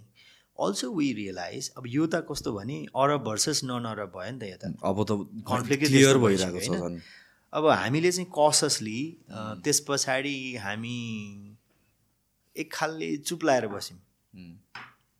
होइन हामीले जुन टेरिस्ट अट्याक भनेर भन्यौँ अनि पछाडि बिस्तारै हामी चाहिँ त्यो चाहिँ टेरिस्ट अट्याक थियो but now please resolve this issue peacefully भन्नेतिर हामी जानु पऱ्यो कारण के भन्दाखेरि हाम्रो त millions of workers they are working in Gulf and we don't want to jeopardise their future होइन? कन्ट्री यो त सानो डिसिजनले पनि ठुलो इम्प्याक्ट पर्न सक्छ नि। त्यही भएर चाहिँ अहिलेको हाम्रो पोलिसी नै के छ भने यो पिसफुल्ली रिजल्भ होस्। अनि we are not taking side of न त इजरायलको कम्प्लिट साइड ल्याएको छौँ न अरबको ल्याएको छौँ हामी चाहिँ बिचमा बसेका छौँ र जस्तो अस्ति नै हाम्रो एउटा ह्युमेनिटेरियन ट्रुसको युएन रेजोल्युसन थियो। ह्युमेनिटेरियन ट्रुस हुनु त्यसमा हामीले त्यो ट्रुसको पक्षमा हामीले भोट गरेका थियौँ। इजरायल इजरायल चाहिँ रिसाएको थियो त्यसबाट होइन? तर हामी सधैँ वास्तवमा भन्यो भने इजरायललाई त हामी साउथ एसियन कन्ट्रिजहरूमा स्टेट टु स्टेट रिलेसन राख्ने त हामी we the first that doesn't mean कि हामीले इजरायलले जे गर्छ सबै सपोर्ट गर्छौँ पनि होइन। र अल्सो हाम्रो चाहिँ माइग्रेन्ट वर्कर्सहरूको हिसाबले पनि हाम्रो फरेन पोलिसी चाहिँ डिक्टेट हुन थालेको छ। होइन हाम्रो त मिलियन्स वर्कर हाम्रो रेमिटेन्सदेखि लिएर सबै कुराले पनि हामी चाहिँ हामी हाम्रो फरेन पोलिसी चोइस चाहिँ लिमिटेड भएको छ। सो यो अहिले जुन भइरहेको छ इजरायल प्यालेस्टाइनको कुरामा जाँदाखेरि चाहिँ दिस इज बिस्तारै यसो हेर्दाखेरि चाहिँ it's turning into regional conflict नै भइसक्यो। देख्न थालिसक्यो होइन? इजरायल र प्यालेस्टाइनको कुरा चाहिँ त्यसपछि इरान इन्भल्भ भयो अहिले हाउदिसको कुरा छ हुदिसको कुरा छ अनि त्यसपछि युएस र युकेले रेस्पोन्ड गरेको छ। सँगैसँगै इरानले फेरि पाकिस्तानमा अस्ति मिसाइल फायर गर्यो। पाकिस्तानले पनि फेरि रिटालिएट गर्यो। यसको फ्युचर के हुन्छ जस्तो लागिरहेको छ यस्तो छ कि यो मैले अघि थोरै कुरा गरेको थिएँ। यो सिया सुनी डिबेट भनौँ डिस्प्युट भनौँ। अब Shia group I think Iran is Shia ग्रुपको लिडर अनि सुन्नी कन्ट्रीहरूको लिडर साउदी अरेबिया यिनीहरू चाहिँ they jostle each each other for influence र यो जति पनि प्रक्सी छ नि Hamas is a proxy of Iran Houthi is they are proxy of Iran Hezbollah in Lebanon they are proxy of Iran अहिले इराकभित्रै पनि सर्टेन ग्रुपहरू छ इरान ले चाहिँ प्रक्सी बनाएको so Iran is doing that के किनभने यो मिडल इस्टमा त होल यो युएसको प्रेजेन्स इज ग्रोइङ अनि it doesn't want to see its influence you know diminished in that region त्यही कारणले गर्दा पनि यो प्रोक्सीहरू क्रिएट गरेर चाहिँ उसले चेक एन्ड ब्यालेन्स गर्न खोजिरहेछ। र अब जस्तो भनौँ यो त इजरायल मात्रै हो क्या जुन चाहिँ pro west completely pro west भनेको and and the the big part is Israel पनि युएसको एउटा way to exactly keep control in that region हो एक्ज्याक्टली एक्ज्याक्टली इजरायल भएन भने त युएसको प्रेजेन्स त भोलि गएर भोलि गएर अहिले त ठिकै छ। अहिले त उसको के अरे US as its military base in Saudi Arabia Qatar UAE even Oman होइन इराक सिरिया सबैतिर छ नि त। भोलि गएर चाहिँ हस्टाइल पनि हुनसक्छ नि होइन? त इजरायल चाहिँ उसको ट्रस्टेड पार्टनर सो इजरायलले जस्तो अमेरिकाले जति पनि टेक्नोलोजी डेभलप हुन्छ त्यो टेक्नोलोजी अरूले पाउँदैन इजरायलले पाउँछ कि.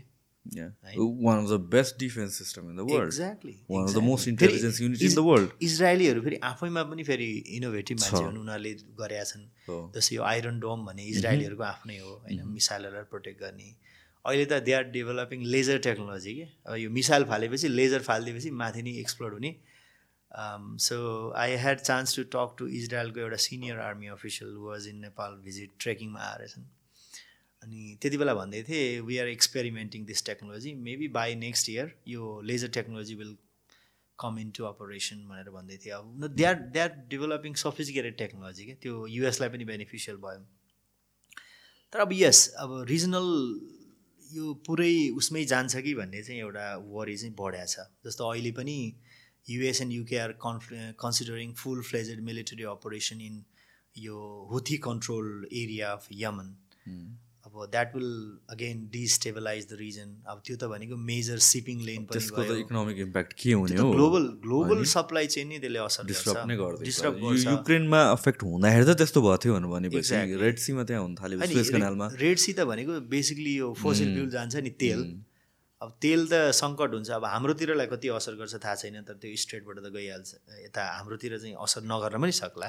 त indirect effect on the economy र यस- त्यसको इफेक्ट अन यसको चाहिँ कहाँ पर्छ भन्दाखेरि नि यो हुथीको चाहिँ कम्प्लिट मिलिटरी अपरेसन गऱ्यो भने त हुथीको जुन छ नि प्रक्सी बनाउने इरानलाई पनि त यिनीहरूले स्पेयर त गर्दैन होला नि त। इरानमा पनि अट्याक गरेपछि इरानले त त्यो सिपिङ लेन त कम्प्लिट डिस्टर्बै गर्छ नि। त्यो ग्लोबल यो सिपिङ कम्पनीहरूले त्यो कार्गो सिपहरू त्यहाँबाट नजाने अवस्था हुन्छ। त्यसले गर्दाखेरि समस्या पर्छ। र त्योभन्दा पनि मोस्ट इम्पोर्टेन्ट त हाम्रो वर्कर्सको हालत के हुन्छ? हाम्रो रेमिटेन्स के हुन्छ? अहिले हामीसँग तेह्र महिना धान्ने रेमिटेन्स छ। मानिलिउँ गल्फ रिजन चाहिँ एकदम इन्स्टेबल भयो। सब सबै कन्फ्लिक्ट भयो। धेरै मान्छेहरू चाहिँ त्यहाँबाट इभ्याकुएट गर्नुपर्ने भयो। अथवा त्यहाँ चाहिँ पुरै कम्प्लिट वारमा गइसकेपछि इन्डस्ट्रियल एक्टिभिटिज भएन। भने कति मान्छे त्यहाँ ले अफ हुन्छन् कति मान्छे हामीले इभ्याकुएट गर्नुपर्ने हो अनि रेमिटेन्समा हाम्रो कति चाहिँ त्यो सिग्निफिकेन्ट ड्रप हुन्छ त्यसले त हाम्रो इकोनोमी त ध्वस्त बनाउँछ। जति हाम्रो युक्रेन रसिया वारमा चाहिँ सप्लाई चेन मात्रै डिस्टर्ब भएको थियो हाम्रो मान्छेलाई प्रत्यक्ष असर गरेको थिएन। यसले त हाम्रो मान्छेलाई डाइरेक्ट त्यो इम्प्लोइमेन्ट रेमिटेन्समा डाइरेक्ट असर गर्छ। त्यसैले we got to be careful and Nepal always stands for peaceful resolution of the conflict but हामी त भन्ने न हो अब गर्ने त अरू नै छन्। अब पिसफुल्ली रेजल रिजल्भ भयो भने त ठिकै हो। तर भएन भने त फेरि यसले पनि हामीलाई ठुलो असर पर्न सक्छ। जस्तो कि रिसेन्ट टाइममा पाकिस्तान पनि पर्यो। पर्यो। इरानको चपेटामा एउटा हिसाबले पर्यो। त्यो ठ्याक्कै त्यसको एक दिन अगाडि जयशङ्करले भिजिट गर्यो। Do think that's a coincidence I don't think so तर के चाहिँ हो भन्दाखेरि नि इरानले त it had vowed to take revenge त्यो साउदर्न सिटी जहाँ चाहिँ एउटा जेनरल कहाँ मारिएको सिरिया कि कुनमा मारिएको जेनरलको चाहिँ लास्ट राइडको बेलामा अम, चाहिँ त्यो प्रोसेसनमा भेला भएको मान्छेहरूलाई टार्गेट गरेर दुईवटा सुसाइड बम्बर्स अनि पछाडि चाहिँ इट वाज रिपोर्टेड कि there was no role of US there was no role of Israel भन्ने थियो। अनि आइसिस भन्ने सर्टेन फ्याक्सनले त्यो गरेको। अनि आइसिसको अपरेटिभ्सहरू चाहिँ they are it is said that they are up they are they are up they they are active along the Pakistan Iran border they are also active in Iraq parts of Iraq र इरानले चाहिँ it has allege कि यो ISIS certain फ्याक्सनहरू चाहिँ they are receiving funding from US so they are kind of taking revenge के इजरायलले यता हान्यो इजरायल सपोर्टेड बाई युएस अनि यता ISIS allegedly supported by US होइन अनि kind of taking revenge but then yes it was a coincidence I would say अब Jaishankar was in Iran I I think होइन he had talk with foreign minister and others मलाई लाग्छ इ- इन्डियाको it has so many engagement के Chabahar त्यो त्यो एउटा पोर्टै बनाइरहेको छ इन्डियाले and there are also other engagement partly because India did not support यो डिरेक्टली सपोर्ट यो western stands on Ukraine India is kind of neutral के रसियासँग पनि क्लोज छ। युक्रेनसँग पनि छ and it has not condemn Russia अनि नर कन्डेम्ड वेस्टर्न कन्ट्रिज होइन? अनि काइन्ड अफ अनि त्यो चाहिँ अब रसियाको पनि नजिक भएको इरान हुँदाखेरि इन्डियासँग चाहिँ इरानको राम्रै सम्बन्ध छ। र India import significant amount of well from Iran despite sanction यो त वेस्टको स्याङ्सन छ नि इरानको अहिले रसियाबाट पनि अब Russia is under sanction but then India receives राम्रै भोल्युममा चाहिँ त्यहाँको तेल चाहिँ एकदम सब्सिडाइज रेटमा इन्डियाले ल्याइरहेछ। रसियाबाट? रसियाबाट। र इन्डियाको चाहिँ अर्को के पनि रहेछ भने इन्डियाको सबै मिलिटरी जुन हार्डवेयरहरू छ नि most of like more than seventy percent Russian अनि अब त्यो रसियनलाई त जुन जस्तो सामान त ल्याएछ you can't replace them overnight नि त होइन? इट टेक्स टाइम त्यो इन्भेन्ट्री भइसकेपछि तपाईँसँग लग रसियन वेपन छ भनेदेखि त त्यसको त गोली सोली त ल्याइरहनु पऱ्यो स्पेयर पार्ट ल्याइरहनु पऱ्यो भने ट्रेड भोल्युम पनि सिग्निफिकेन्टली हाई छ with Russia no India is interesting मैले I had ask this question to हाम्रो इन्डियाको former ambassador to Nepal and what you would say is अब India is not in not a country which can be dictated by west or any other countries हाम्रो आफ्नै strength छ। अब हामी त आफ्नै क्यानाडाको बेलामा देखाइदियो नि त इन्डियाले। देखाइ जुन स्ट्यान्स लियो। तर त्यो चाहिँ यस्तो हो। मलाई त लाग्छ त्यो मेसेज छोडेर जस्तो लाग्यो मलाई त अरू कन्ट्रीलाई होइन र। मेसेज पनि होला। अब इन्डियाले चाहिँ नर्मली त्यही नै गर्ने देखिन्छ क्या। जस्तो नेपालमा पनि कति काण्डहरू भयो बिचमा चाहिँ इन्भेस्टिगेसन भएन सकियो कि। के के त्यस्तै गरी मारियो क्या। People consider to be anti Indian interest त्यो केही मान्छेहरूको यहाँ पनि त्यस्तै एसासिनेसन भएको छ। मेबी अब नेपालको केसमा अब हामी त सानो कन्ट्री भयौँ we could not respond properly अब वेस्टर्न कन्ट्रीमा हुँदाखेरि त्यो चाहिँ त्यसले चाहिँ द्याट ब्रड स्ट्रङ रियाक्सन अब पछि चाहिँ इन्डिया र क्यानाडाको त एकदम ठुलै डिप्लोमेटिक वार नै भयो। डिप्लोमेटिक स्ट्यान्डअपै भयो डिप्लोमेट घटाउने अनि भिजा इस्यु नगर्ने। त यिनीहरूको यो वेस्टर्न कन्ट्रीहरूको चाहिँ फाइभ आइज इन्टेलिजेन्स भन्छ कि?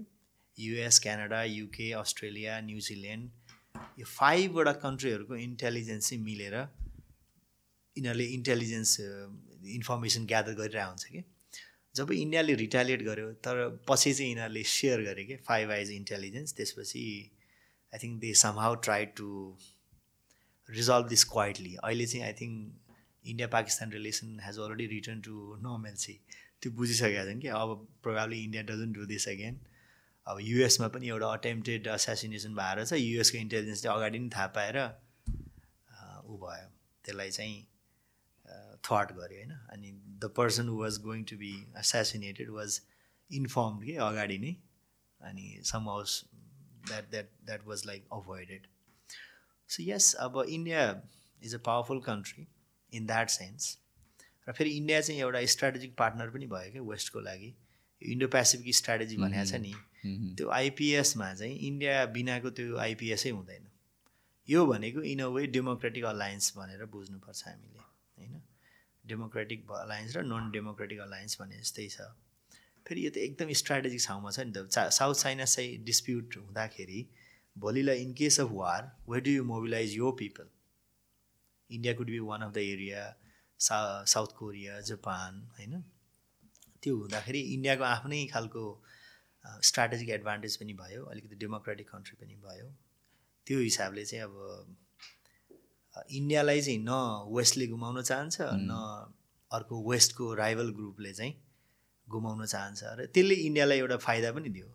India is closer to like very interesting क्या? India has become very good friend of Russia at the same time it is part of क्वाडदेखि लिएर अक यो सबै खालका जुन मेकानिजम बनाएको छ नि चाइनालाई काउन्टर गर्न त्यसमा पनि इन्डिया छ। र it is one of the trusted friend of US पनि। युएस इज सेलिङ एकदम sophisticated military technology to India very interesting so मलाई लाग्छ इन्डियाले जसरी मेन्युभर गरिरहेछ नि हामीले पनि गर्ने चाहिँ त्यही नै होला। इन्डियाको चाहिँ अब सेक्युरिटी इन्ट्रेस्ट धेरै हाबी छ यो जति पनि रिलेसन बिल्ड गर्नमा। इकोनोमिक कुरा त छँदैछ। सँगसँगै उसको सेक्युरिटीको पनि पार्ट एकदम भाइटल छ। अब हामीलाई सेक्युरिटी केही चाहिएन हामी सेक्योर रहन चाहन्छौँ हामी कसैलाई लड्नु छैन कसैसँग हामीले वार गर्नु छैन। हामीलाई मात्रै चाहिएको economic development prosperity how can be bring that prosperity भन्ने कुरामा चाहिँ हामीले सोच्नु पऱ्यो र दुइटैका कन्सर्नहरूलाई चाहिँ अलिकति राम्ररी एड्रेस गर्न सकेर दुइटैको गुडविल मात्रै हामीले पायौँ भनेदेखि पनि हामी we can do better so coming back to अहिले मिडल इस्टको कन्फ्लिक्टमा जाँदाखेरि डु यु थिङ्क यो एस्कुलेट भएर it will turn into another massive conflict किन रिजनलसम्म त पुग्नु लागिसक्यो? पुगि नै सक्यो एउटा होइन? I think it depends largely depends on the role of Iran के भन्छ युक्रेन रसियाको बेलामा यो क्वेसन आएको थिएन कि? थिएन। अहिले त छ होइन? अब यस्तो छ। अब इरानको रोल के हुन्छ? Russia is also looking for opportunities to divert वेस्टको attention to this area. अब अहिले त Russia is having hard time नि त। वेस्टले सपोर्ट गरुन्जेलसम्म त उसले त्यो डोनेस र लुहान्स रिजन मात्रै लिन खोजे त हो नि। पछिल्लोसम्म सुरुमा चाहिँ युक्रेनको पावर नै ओभरथ्रो गरेर आफ्नो पपेट गभर्मेन्ट इस्टाब्लिस गर्ने रसियाको प्लान देखिन्छ। Russia could not succeed in that it had to withdraw all its troop from north किवदेखि लिएर अरू एरिया अहिले त जफर जाफरजियाबाट पनि गरिसक्यो। अब खेर्सन एरियाबाट पनि होइन सबै गरिसक्यो। अब यो त त्यही डोनेट्स र लुहान्स एरियामा पनि त्यसलाई कम्प्लिट लिन पनि दुई वर्ष लागिसक्यो। अब फेब्रुअरीमा दुई वर्ष हुन्छ त्यो सकिरहेको छैन। र अहिले चाहिँ रसियाको पनि एउटा इन्ट्रेस्ट के छ भने यो- वेस्टको चाहिँ एटेन्सन चाहिँ डाइभर्ट होस् रिसोर्सहरू डाइभर्ट होस् भन्ने छ होइन। अब अल अफ अ सडेन जस्तो हमासले अट्याक गरिदियो अब युएसको अटेन्सन त सिफ्ट भयो इजरायलतिर। अब अहिले युक्रेनमा जुन हतियारहरू जुन सपोर्ट गइरहेको थियो त्यो त significantly it has come down र यदि वाइडर स्केलको वार यदि भयो भनेदेखि त सबै रिसोर्स त यता आउने भयो र रसियालाई चाहिँ युक्रेनलाई कब्जा गर्न सजिलो बन हुने वातावरण चाहिँ देखिन्छ। अब यसमा चाहिँ अब रसियाले यदि इरानलाई चाहिँ होइन you just need to go भनेर लगाइदियो भने अहिले त रसिया चाइना अनि त्यसपछि इरान त मेजर अनि नर्थ कोरिया पनि त्यसको पार्ट भएको छ होइन। यो एउटा अर्को एन्टी वेस्ट. ब्लक भएको छ। यदि रसियाले कन्फिडेन्स दियो भने इरान यदि गयो भनेदेखि चाहिँ इरानले सपोर्ट नगरेसम्म वाइड स्केल वार हुँदैन होइन? जस्तो भन्नु अहिले चाहिँ अब Saudi Arabia is pro US Bahrain UAE they seem to be pro US होइन? अनि इराकमा पनि अब आफ्नो युएसको मिलिट्री प्रेजेन्स छँदैछ भनेपछि त्यो साना साना त्यो आउटफिटहरू मात्रै छन् क्या? हेजबोला अनि त्यसपछि यो हमास हुथिज यसरी यो जुन इरान फन्डेड प्रक्सिजहरू त्यो हुथीहरूलाई त त्यो मिसाइल बनाउने टेक्नोलोजी त छैन नि त सबै इरानको हो नि त होइन? त्यसैले हेर्नुपर्छ। इरानको त्यति इकोनोमिक हिसाबले त्यति स्ट्रङ चाहिँ छैन जुन वेस्टसँग कम्पिट गर्ने। अब युएस भनेको नेटो फोर्स आउने हो त्यहाँ होइन? गर्दाखेरि। र इराक के अरे इरानको पनि न्युजहरूमा के सुनिन्छ भन्दाखेरि चाहिँ युएससँग डाइरेक्ट कन्फ्रन्टेसन चाहिँ नगर्ने. इन्डाइरेक्ट यो प्रोक्सिजहरू मार्फत युएसलाई चाहिँ उ गर्ने अट्याक गर्ने। युएसका इन्ट्रेस्टहरूलाई अट्याक गर्ने भन्ने देखिन्छ। तर let's see how it unfolds मैले म न्युज पढिरहेको थिएँ अहिले चाहिँ युएस र UK are they are seriously considering यो एकदम म्यासिभ इन्भेजन हो। त्यो इन इन यमन त्यो हुथी कन्ट्रोल एरियामा चाहिँ गर्ने सोचिरहेछन् भनेपछि वी टु वाच किन किनभने न्युज पनि के मैले पनि सुन्नुमा आएको थियो त्यतिखेर जुन बेला चाहिँ यो हमासले इजरायलमा अट्याक गरेको थियो। त्यसको almost a week two weeks अगाडि मात्र युएसले चाहिँ इरानको अलमोस्ट टु बिलियन कि थ्री बिलियन डलरको एसेट अनफ्रिज गरेको थियो। सो त्यसपछि चाहिँ त्यो फन्ड गरेको भन्ने कुरा पनि छ। त्यसपछि त्यो एसेट मोबिलाइज भएको भन्ने कुरा पनि छ। तर यिनीहरूको यस्तो छ। अब टेक्नोलोजीहरू त इरानले लुक्स लाइक इट्स डेभलपिङ यो मिलिटरी हार्डवेयरहरू त बनाइरहे जस्तो लाग्छ क्या। अब काहीँ काहीँबाट स्याङ्सन इभेन्ट पनि गरे होला अथवा टेक्नोलोजी रसिया लगायत अरू कन्ट्रीले दिएको पनि हुनसक्छ। र it is suspected that Iran has already develop nuclear weapons पनि। यो युरानियम इन्भेस्टमेन्टमा चाहिँ सिग्निफिकेन्ट प्रोग्रेस गरेको छ अरे। भनिन्छ अब इट्स अ बिग च्यालेन्ज र यदि इरान चाहिँ न्युक्लियर वेपन सहितको भयो भने त इजरायलको existence is also under question Israel त साह्रै सानो टेरिटोरी हो नि त होइन? अब वेस्टले चाहिँ अब यही प्रिटेक्समा चाहिँ इजरायलले यत्रो वेपन डे डेभलप गरिसक्यो भनेपछि के अरे इरानले इरानलाई चाहिँ अट्याक गर्ने सम्भावना चाहिँ हुन्छ। उनीहरूको त्यो लङ टर्म इन्ट्रेस्टको हिसाबले त्यो पनि गर्न चाहिँ सक्छन्। तर के चाहिँ छ भने US is going to election. होइन? अहिले त अब गभर्मेन्ट त छैन नि त। खासमा केयरटेकर जस्तो हुन आँटेको छ। अब युएसको अहिले त्यही नै हो नि त। युएस चाहिँ फुल फ्लेज वारमा किन जान सकिरहेको छैन भन्दाखेरि चुनाव आइरहेछ।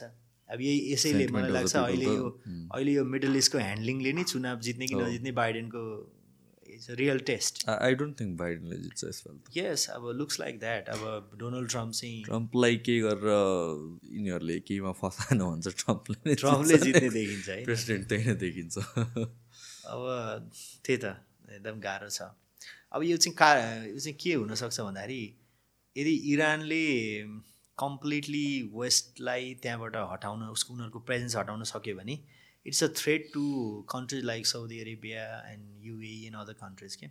त्यो भएको कारणले गर्दा पनि उनीहरूले त्यो प्रेजेन्सलाई चाहिँ हटाउन चाहँदैन। र दे वान्ट यो जस्तो धेरै न्युज रिपोर्टमा छ नि साउदी अरेबिया चाहिँ wants Israel to eliminate Hamas from Palestine वास्तवमा प्यालेस्टाइन पनि के हो भन्दाखेरि टु थाउजन्ड सिक्सदेखि त त्यहाँ इलेक्सन भएको छैन नि त। त्यहाँको चाहिँ इलेक्टेड गभर्मेन्टलाई हटाएर यिनीहरूले कब्जा गरे हो नि त। त्यो कब्जा पनि कसको सपोर्टमा गरे? नि इरानकै सपोर्टमा गरे हो। होइन? अब त्यो त्यस्तै खालको छ कि त्यहाँको पलि लेबननमा त्यही छ। हेजबोल्लाले चाहिँ लिटरली त्यो स्याडो गभर्मेन्टको रूपमा काम गर्छ। हेजबोल्ला इज सो पावरफुल अनि हुथिजहरूले अब यमनको त्यत्रो पार्ट कब्जा गरिसकेका छ। त्यो भनेको चाहिँ त्यो आइडियोलोजिकल हिसाबले अब इरानले चाहिँ कन्ट्रोल गरिरहेको अवस्था छ त्यो एरियामा। मलाई लाग्छ युएसको इलेक्सनको कारणले पनि फुल फ्लेजेड वार चाहिँ गइहाल्दैन कि। र जुन हिसाबले रिसेन्टली स्टेटमेन्ट अलिकति चेन्ज गरे पनि देखिन्छ नेगेटिभ युएसले पनि। जस्तो कि अहिले आएर चाहिँ बाइडेनले पनि नेतन्याहुलाई या भन्छ चाहिँ इजरायललाई चाहिँ यो वर्ड चाहिँ come in truce kind of पिसमा जाऊ अब यो भइसक्यो अति भइसक्यो भने नेतन्याहुले मानिरहेछन् त्यो अर्कै कुरा हो होइन। त्यो चाहिँ देखिरहेको छ क्या एट दिस पोइन्ट किनभने युक्रेन रसियाको बेलामा public was divided I mean धेरैजनालाई चाहिँ धेरैजना चाहिँ युक्रेनकै सपोर्टमा थियो। At this point the most of the public वर्ल्डको हेर्ने हो भने चाहिँ आई थिङ्क युनानिमसली प्यालेस्टाइनलाई नै सपोर्ट गरेर आएको छ। सो त्यसले गरेर पनि बाइडन एडमिनिस्ट्रेसनलाई एउटा प्रेसर दिन्छ र अर्को यहाँ इजरायलकै कुरा गर्ने हो भने पनि नेट याहु पनि ब्याक डाउन गर्न सकिरहेको छैन बिकज उसको राइट विङ गभर्मेन्टले उसलाई प्रेसर दिइरहेको छ। होइन? सो यो कस्तो ठाउँमा अड्के संसारले को फेरि अटेन्सन यही नै छ इन्टरनेसनल कोर्ट अफ जस्टिसमा यही नै कुरा भएर त साउथ अफ्रिकाले केस यही नै हालेको छ। सबै चिज हुँदाखेरि पनि र बाइडनले त्यत्रो स्टेटमेन्ट दिँदाखेरि पनि नेट न्याय हट्न सकिरहेको छैन बिकज उसको गेट एडमिनिस्ट्रेसन नै खतरामा छ। सो यो कस्तो बिचमै अड्के जस्तो छ क्या ठाउँ चाहिँ? यस्तो छ इजरायलको त अब हमासलाई एलिमिनेट भनौँ न उसको कपासिटी डिग्रेड नगरेसम्म त त्यो विथड्र गर्नु भने त उसको हार हो होइन? अब अहिले most of the parts are control by अब इजरायली फोर्सेस उनीहरूको जुन टनल नेटवर्क रहेछ नि अन्डरग्राउन्ड टनल नेटवर्क अब त्यसलाई पनि केही हदसम्म उनीहरूले डिस्ट्रोय गर्न सकेका छन्। अब अहिले चाहिँ हमासलाई एज इट इज राखेर इजरायल पुल आउट गयो भने त उसको त वारको अब्जेक्टिभ त पुरा भएन नि त। भोलि गएर फेरि त्यस्तै मिसाइल हानिदिन्छ अहिले यत्रो कन्ट्रोल गर्दा मिसाइल हानिरहेछ भनेदेखि त फेरि पनि उसलाई थ्रेट छ नि त। As a country if you think Israel as a country then हमासलाई नसकेसम्म त उसको वार एन्ड गर्नु त कुनै ऊ भएन नि त। अहिले ट्रुस गऱ्यो भने फेरि वेपनको रिसप्लाई होला फेरि उसले स्ट्रेन्थ गेन गर्छ। यो वारमा जहिले पनि ट्रुस भने के हो भने यो स्ट्रेन्थेनिङ आफ्नो पोजिसन के। अब बिचमा टाइम हुन्छ नि you can by time you can strengthen supply chain होइन? यो सबै ल्याउने हुन्छ। त्यही भएर मलाई लाग्छ इजरायल चाहिँ अगेन्स्ट ट्रुस के। तर यसको त वारको त एन्ड नै देख्दैन त्यस भए त किनभने चाहिँ बिचमा पर्ने त प्यालेस्टाइनको साइडमा त सिभिलियन्सहरू परिरहेछ। होइन पुटिनले युक्रेनमा वार सुरु गरे यस्तै भयो क्या। सो यो त्यतिको पनि एथिक्स देखिरहेको छैन यो पोइन्टमा त। इजरायल प्यालेस्टाइनको कन्टेक्समा त्यो पनि छैन। Full on carpet bomb bombing भइरहेछ त यहाँ त। भइरहेछ। उनीहरूलाई अब त्यही छ। अब गुरिला वारफेयरसँग तपाईँले गर्नुहुन्छ कि? Hamas they they they they have like guerrilla warfare techniques उनीहरूले त्यो ट्याक्टिक्स गरिरहेछ। यिनीहरूले गएर त त्यो ठाउँ ठाउँमा उनीहरूको हाइड आउट्स कहाँ कहाँ छ? मिलिटरीले त भेट्दैन। अब उनीहरूले चाहिँ इजरायलले अब के गर्यो भने एज अ रिजल्ट सबै कार्पेट बमिङ गरिरहेछ। त्यसले गर्दाखेरि सिभिलियन क्याजुअलिटी पनि टु हाई र इजरायललाई पनि बडो गाह्रो छ। वार सुरु भइहाल्यो। अब वार पनि ट्रिगर चाहिँ फेरि हमासले गरिदियो। वार सुरु भइसक्यो। अब त्यो बिचमा पुल आउट गर्ने चाहिँ एज यु राइटली सेड नेता लागि चाहिँ एउटा प्रेस्टिज इस्यु पनि भयो। उसको सर्भाइभल पनि भयो। Survival as a prime minister उसको लागि ठुलो क्वेसन छ I don't know when this will end मलाई लाग्छ युएसले चाहिँ अलिक स्ट्रङली होइन युनिट टु स्टप भन्ने बित्तिकै चाहिँ रोकिन्छ कि जस्तो लाग्छ किनभने युएसको सपोर्ट बिना hmm. यो चल्दैन. उनीहरूले केही भनिरह होला नि इजरायलले हामी एउटा पोइन्टमा गएर चाहिँ उ गर्छौँ भनेर. अहिले कति ट्रुप्सहरू त विथड्र पनि गरिरहेछ सर्टेन पार्ट्सहरूबाट अब अल्टिमेटली वारको रेजोल्युसन भनेको नेगोसिएसनै हो. अब नेगोसिएसन hmm. कुन पोइन्टमा गएर हुने भन्ने हो। अब इजरायलले सपोर्ट गर के अरे इरानले सपोर्ट गरेसम्म हमासले पनि त्यो सरेन्डर गर्नेवाला छैन। होइन? अब इजरायल पनि आफ्नो हिसाबले हमासलाई एलिमिनेट गर्नै पर्छ नत्र त हामी त we are always under threat भन्ने सोचले गाइडेड छ। सो तर वारमा के हुन्छ नि एउटा पोइन्टमा चाहिँ when you realize that you cannot achieve your goal and then negotiation starts के अब दुइटै पार्टीलाई चाहिँ आफ्नो गोल चाहिँ जस्तो हमासको गोल भने इजरायललाई हराउने छ। इजरायलको गोल भनेको हमासलाई एलिमिनेट गर्ने छ। अब दुइटै एउटा पोइन्ट आउँछ कि दुइटै पार्टीले चाहिँ अब हाम्रो गोल चाहिँ हामी अचिभ गर्न सक्दैनौँ भन्ने रियलाइजेसन भइसकेपछि नेगोसिएसन सुरु हुन्छ। अनि केही न केही खालको एउटा पिसफुल सेटलमेन्टको उपाय आउला। Hopefully that happens before the world ends. एउटा हिसाबले राइट आई थिङ्क हामीले एकदमै लामो डिस्कसन गऱ्यो on various topics anything you would like to add केही ट केही डिस्कसन गर्नु मन छ? Think we discussed uh, so many things, uh, many issues that are pertinent to to us now. Mm-hmm. Like we talked about youth actor exodus to economic challenges to political leaders and all these things. I think we have covered most of the things. All right. And thank you for having me. Yes, thank you so much. Bye. Bye. everybody.